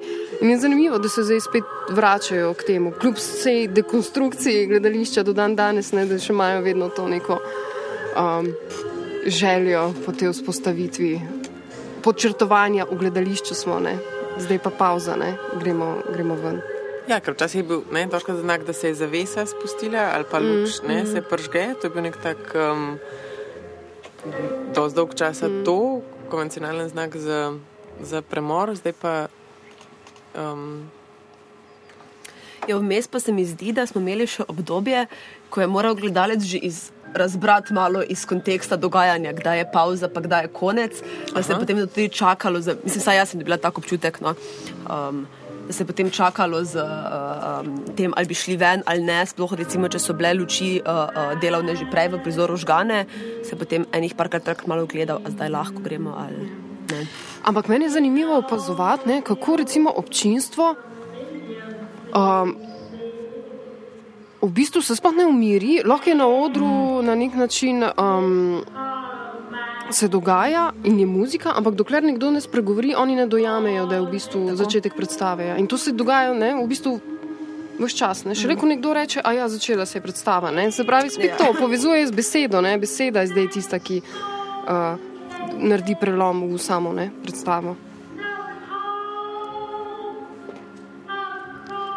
Ja, da ima veliko predstav tukaj, zdaj v bistvu nejasne oziroma se, nam, se namenoma igra v bistvu, kje, kaj je začetek, kje se nekaj pač je začel, kje, kje smo um, v prehodu.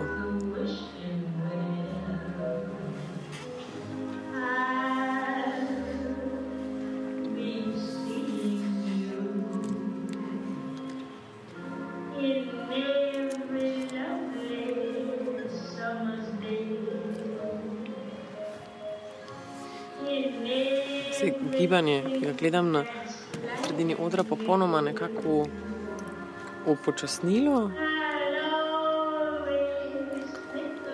Marko je še vedno gov in okovrvavljen, leja.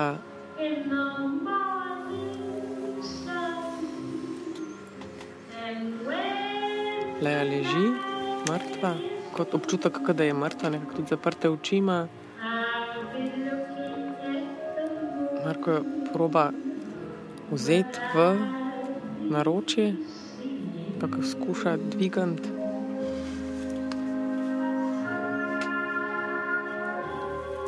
Tako počasno, tako zelo počasno se premikate.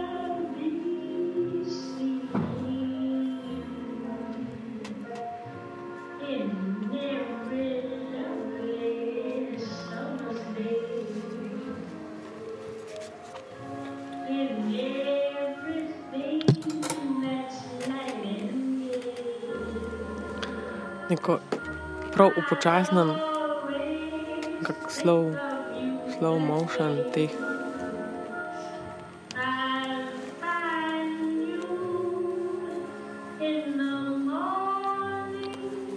Zdaj je Marko nekako si prav počas dal v, v naročje.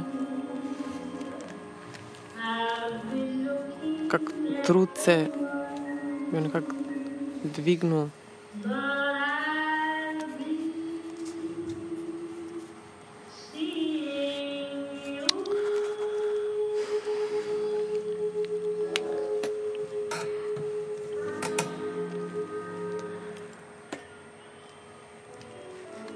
Marko se zdaj kot bi drsel z raznimi sklepi po že politem odru.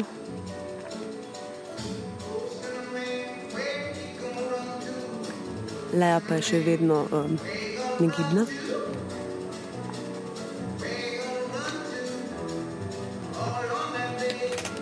V bistvu je zanimivo, ne, kako pripeljeta, izkoristita ta trenutek za počitek, ne, ki je uh -huh. čist ga razumemo, ne, ampak kako tako, da ne uh, izpade umetno, pretirano, upadljivo. Ne.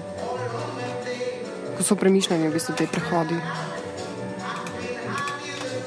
Da leži na tleh in je še vedno v funkciji, ne, čeprav Ja. ja. gibna. Ja, samo to razporejanje v bistvu in občutek za, za čas in za trajanje in za z lastnim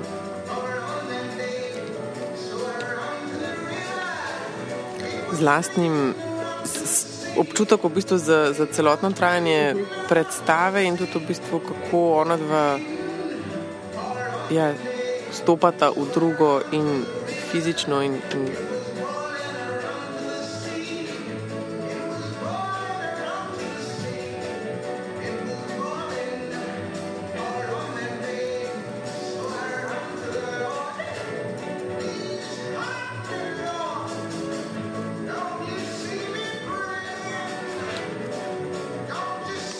še vedno v rdeči obleki leži na sredini odra, nekako v poziciji, kot je naštimal Marko, ali kot je nekako, medtem ko je probal nekako dvigati. Ne, ona skuša spet dvigati, nekako primejo pod glavo. In ne, pod ramami zdaj stavil sedeč položaj, odr, drsi, drsi mu, tako da tak, ni najbolj uspešen, ampak skušajo dvigati tišče različne načine. Hkrati ne pozabimo, da sta njuni telesi lepljivi od tega kečapa in uh, nekih najbolj bizarnih kombinacij vonja. Aha, pa Leja je v bistvu še v tem polivinilu z nogami, če prav vidim. Ja, kada bi bil ta polivinil nekako prilepljen na, na njene noge, se mi zdi. Ja, skratka, zgleda, da ima neko tvorbo, neka tvorba rdeča. In spet Raste. padla.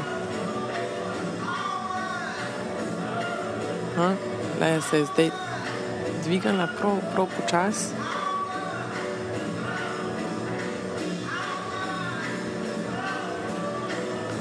Se je dvigala in zdaj se postavlja na, na noge.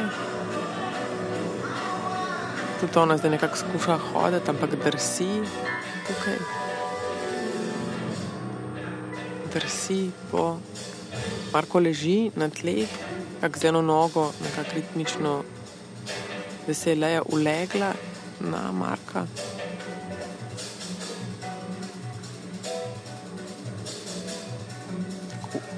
Objem, v objemu ležita,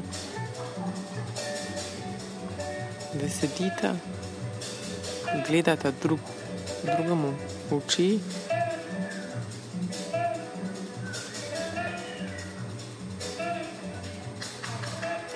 Recimo, zdaj smo že večkrat debatirali o tem pri drugih tudi, recimo, predstavah, um, kje ločiti neko zasebnost od uh, igranega lika. Ne? In je zanimivo, ker tam se lahko vedno zanašamo na recimo, izgovorjavo, na dikcijo, kaj si rečeš, on bi pa to tako, ne vem, povedal na ulici mi. Ne? ali pa Tle pa v bistvu moramo to prepoznati v gibanju, ne? v gibu. Se pravi, kako njuno telo ali pa ne vem, njuna hoja ali pa njune neke geste z roko ali pa kako si gre čez lase, ne? ki je tle privatna, ta v bistvu privaten gib in ki je zaigran. In kaj je v bistvu teže, po moje, lažje.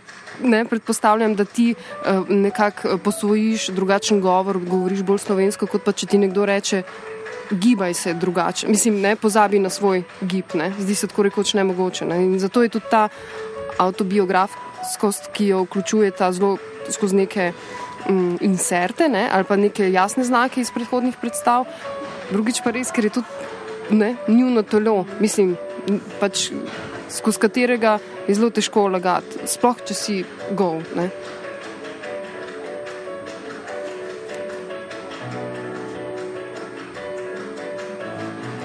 Zdaj je tudi Leja slekla rdečo obleko in jo vidimo v spodnjem perilu, ima rdeče črne spodne hlače, črn modrc. Marko Gov še vedno pleše, nekako stopa v nekem ritmu, se premika ritmično,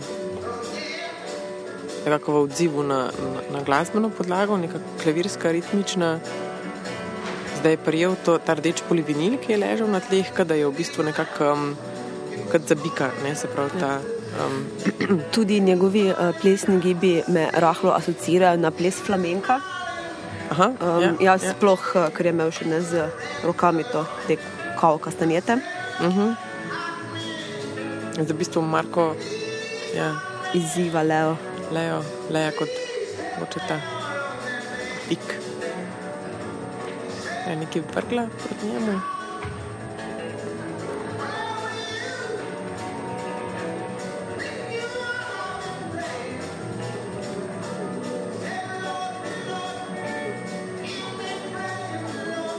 Aha, in zdaj tudi Leja pobrala stal rdečo obleko svojo in nekako jo prijela v, v, enaki, v enakem načinu kot Marko drži rdeč polivinil in v bistvu zdaj drug drugega, kdo bo zdaj, kdo je zdaj bik in kdo, Uh, Matador.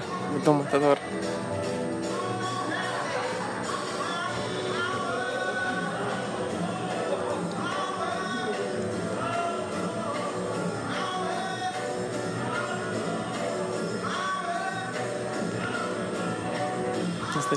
V, levem kotu, zadaj, če tečete po diagonali čez na drug kot, drug konec tega kvadrata.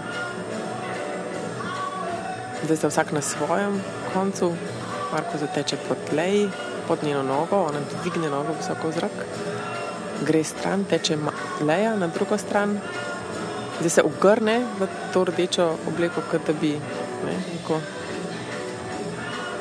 da je Marko pritekel od zadaj, kako sta oba dva na tleh. Leja sedi na Marku, on pa je z nogami, recimo, da sveči in ima noge okoli njenega vratu. Ja, neka taka statična kompozicija nekaj trenutkov. Le je položila glavo na Markov trebuh. Marko toče z rokami po njeni zadnjici.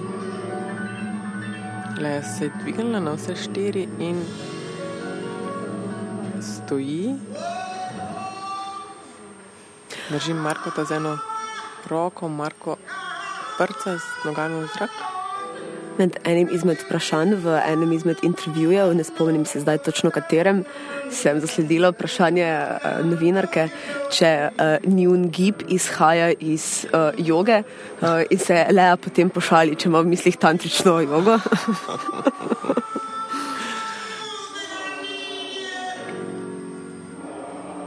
Ja, in zdaj za hip so se vloge zamenjale, le je vzela to rdečo, um, rdečo obleko in zdaj bila ona Matador in je bil Marko v vlogi Bika, Bika. recimo. In je zatekel proti njej in ujela sta se v, v objem. V bistvu Leja ima čez glavo svojo rdečo obleko, Marko pa jo poljublja Skozi to obleko. skozi obleko. Mislim, da je sicer tega, kar tega elementa, da v bistvu imata nekaj med njunimi obrazi uh -huh. ali pa med njunimi usti, uh, neko, neko um, ali gre pač tukaj za, za to obleko, ali gre z. Ne vem, videla sem tudi na fotografijah neko glino, da sta Ja, imela ja. med, ali ko sem jaz gledala, sta imela te um, svetleče palčke, uh -huh. kot, kot slamce, samo da se svetijo v temi. Ja, ja. Nek, lahko takem, daš tudi v krog te. Ja, Ja, ja. In je bil v bistvu cel šop tega, ker sta imela vsak, ne, vsak mm. v, v ustih. Mm, tako da je veliko tega v bistvu Um, ja, kaj je med njunima obrazoma? No? V bistvu gre za neko ja, močen stik, v bistvu, ampak vedno, nek, Še vedno posreden. nekaj je vmes, ne? velikrat. Ja. Um, vse tako zdaj imam. Ja. In še zmeri, še zmeri traja, recimo, ne, Ja, ta ja. spet. Skratka, še zmeri ta poljub skozi rdečo obleko. Spet ne vem, zdaj se mogoče, a gre za poljub ali gre zdaj že mogoče nekdo nekoga duši. Zdaj sta oba dva na, zdaj sta na tleh. Sicer se bližamo polovici, ali pa mogoče smo že tam na polovici predstave.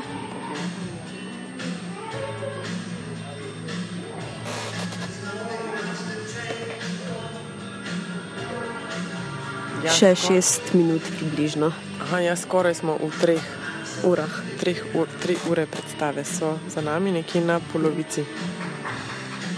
In Zdaj slišimo krike, Aha, za katere ja, ne bi znala povedati, čigavi so. Verjetno od obeh, ja, neki, za, malo, malo. ja, neki zadušeni Ja, kriki, ki jih slišim čez to glasbo. Gledam pa v bistvu to, gledam prepletanje dveh, dveh golih teles na skoraj golih. Leja je v črnih spodnicah in črnem obrčku.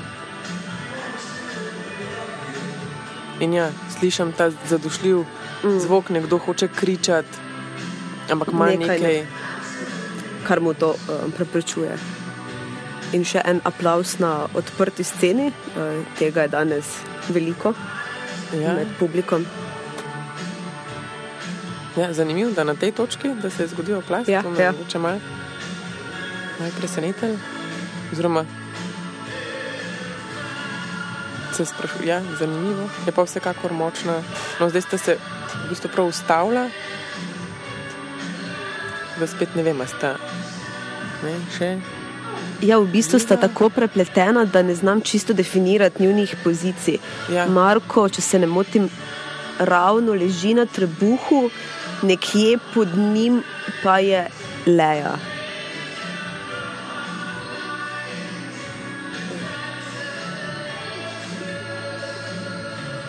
Ja, na odru pa vidim tudi v skrajnem desnem, sprednjem kotu je nek, je bela, neka bela kmota, verjetno še tisto krilo ali Verjetno, pa ja. brisača. Oziroma, ne, prej, ko se je Leja slačila, ko se je slekla rdečo obleko, je pred seboj imela neko to belo plahto in mislim, da gre za to. Aha, Um, no, ja. neki belga je v spodaj. Skratka, ostanki prejšnjih priz, nekih rekvizitov zdaj ležijo um, naokrog po tem črnem kvadratu, skratka, v sredini tu četa rdeča plastična vrečka, uh -huh. okrvavljena, nekaj oranžnega, vidim tam bolj zadaj. Mislim, da so to tudi embalaže um, od kečapa, rdeče pese. Te. embalaže Tako. tetrapakov. Ja. In še vedno prepletajoči se goli telesi, ki se počasi premikata Proti robu, proti robu. mogoče ste že malo čez. Ja, veliko je tudi tega, ne? do roba, Ja, čez ja. rob, kdo visi. Kdo mogoče koga tišči čez Tako, rob, tako. rine dol, ne, Tako. veliko je teh, um, teh dvojnosti, mm. o katerih skozi v bistvu Ja, govorimo. ja. Um, ali nekdo nekoga hoče rešiti, ali nekdo, nekdo Mhm. hoče porin dol, ali se gibamo po robu. V bistvu je um, podobno kot pri tem uh, konstantnem, mogoče malo objemanju, potem pa je že rahlo posilstvo, uh, oziroma usiljevanje volje enega drugemu. Ne, um, dobesedna in metaforična hoja po robu. Ja. No, in zdaj sta ostala, nekako tako čez preprosto ostala, držite se za roke. No, zdaj sta se dala v pozicijo za ples v paru. Zdaj, če vidim njuna, njun pogled na izrazu neko tako. Ja, nek, nek mir, neko veselje, uh -huh. neka bližina, tako zelo, mislim, se mi zdi ogromen, se razbere enih plasti iz njenih obrazov, ki jih težko zdaj Ja, ja. opišem.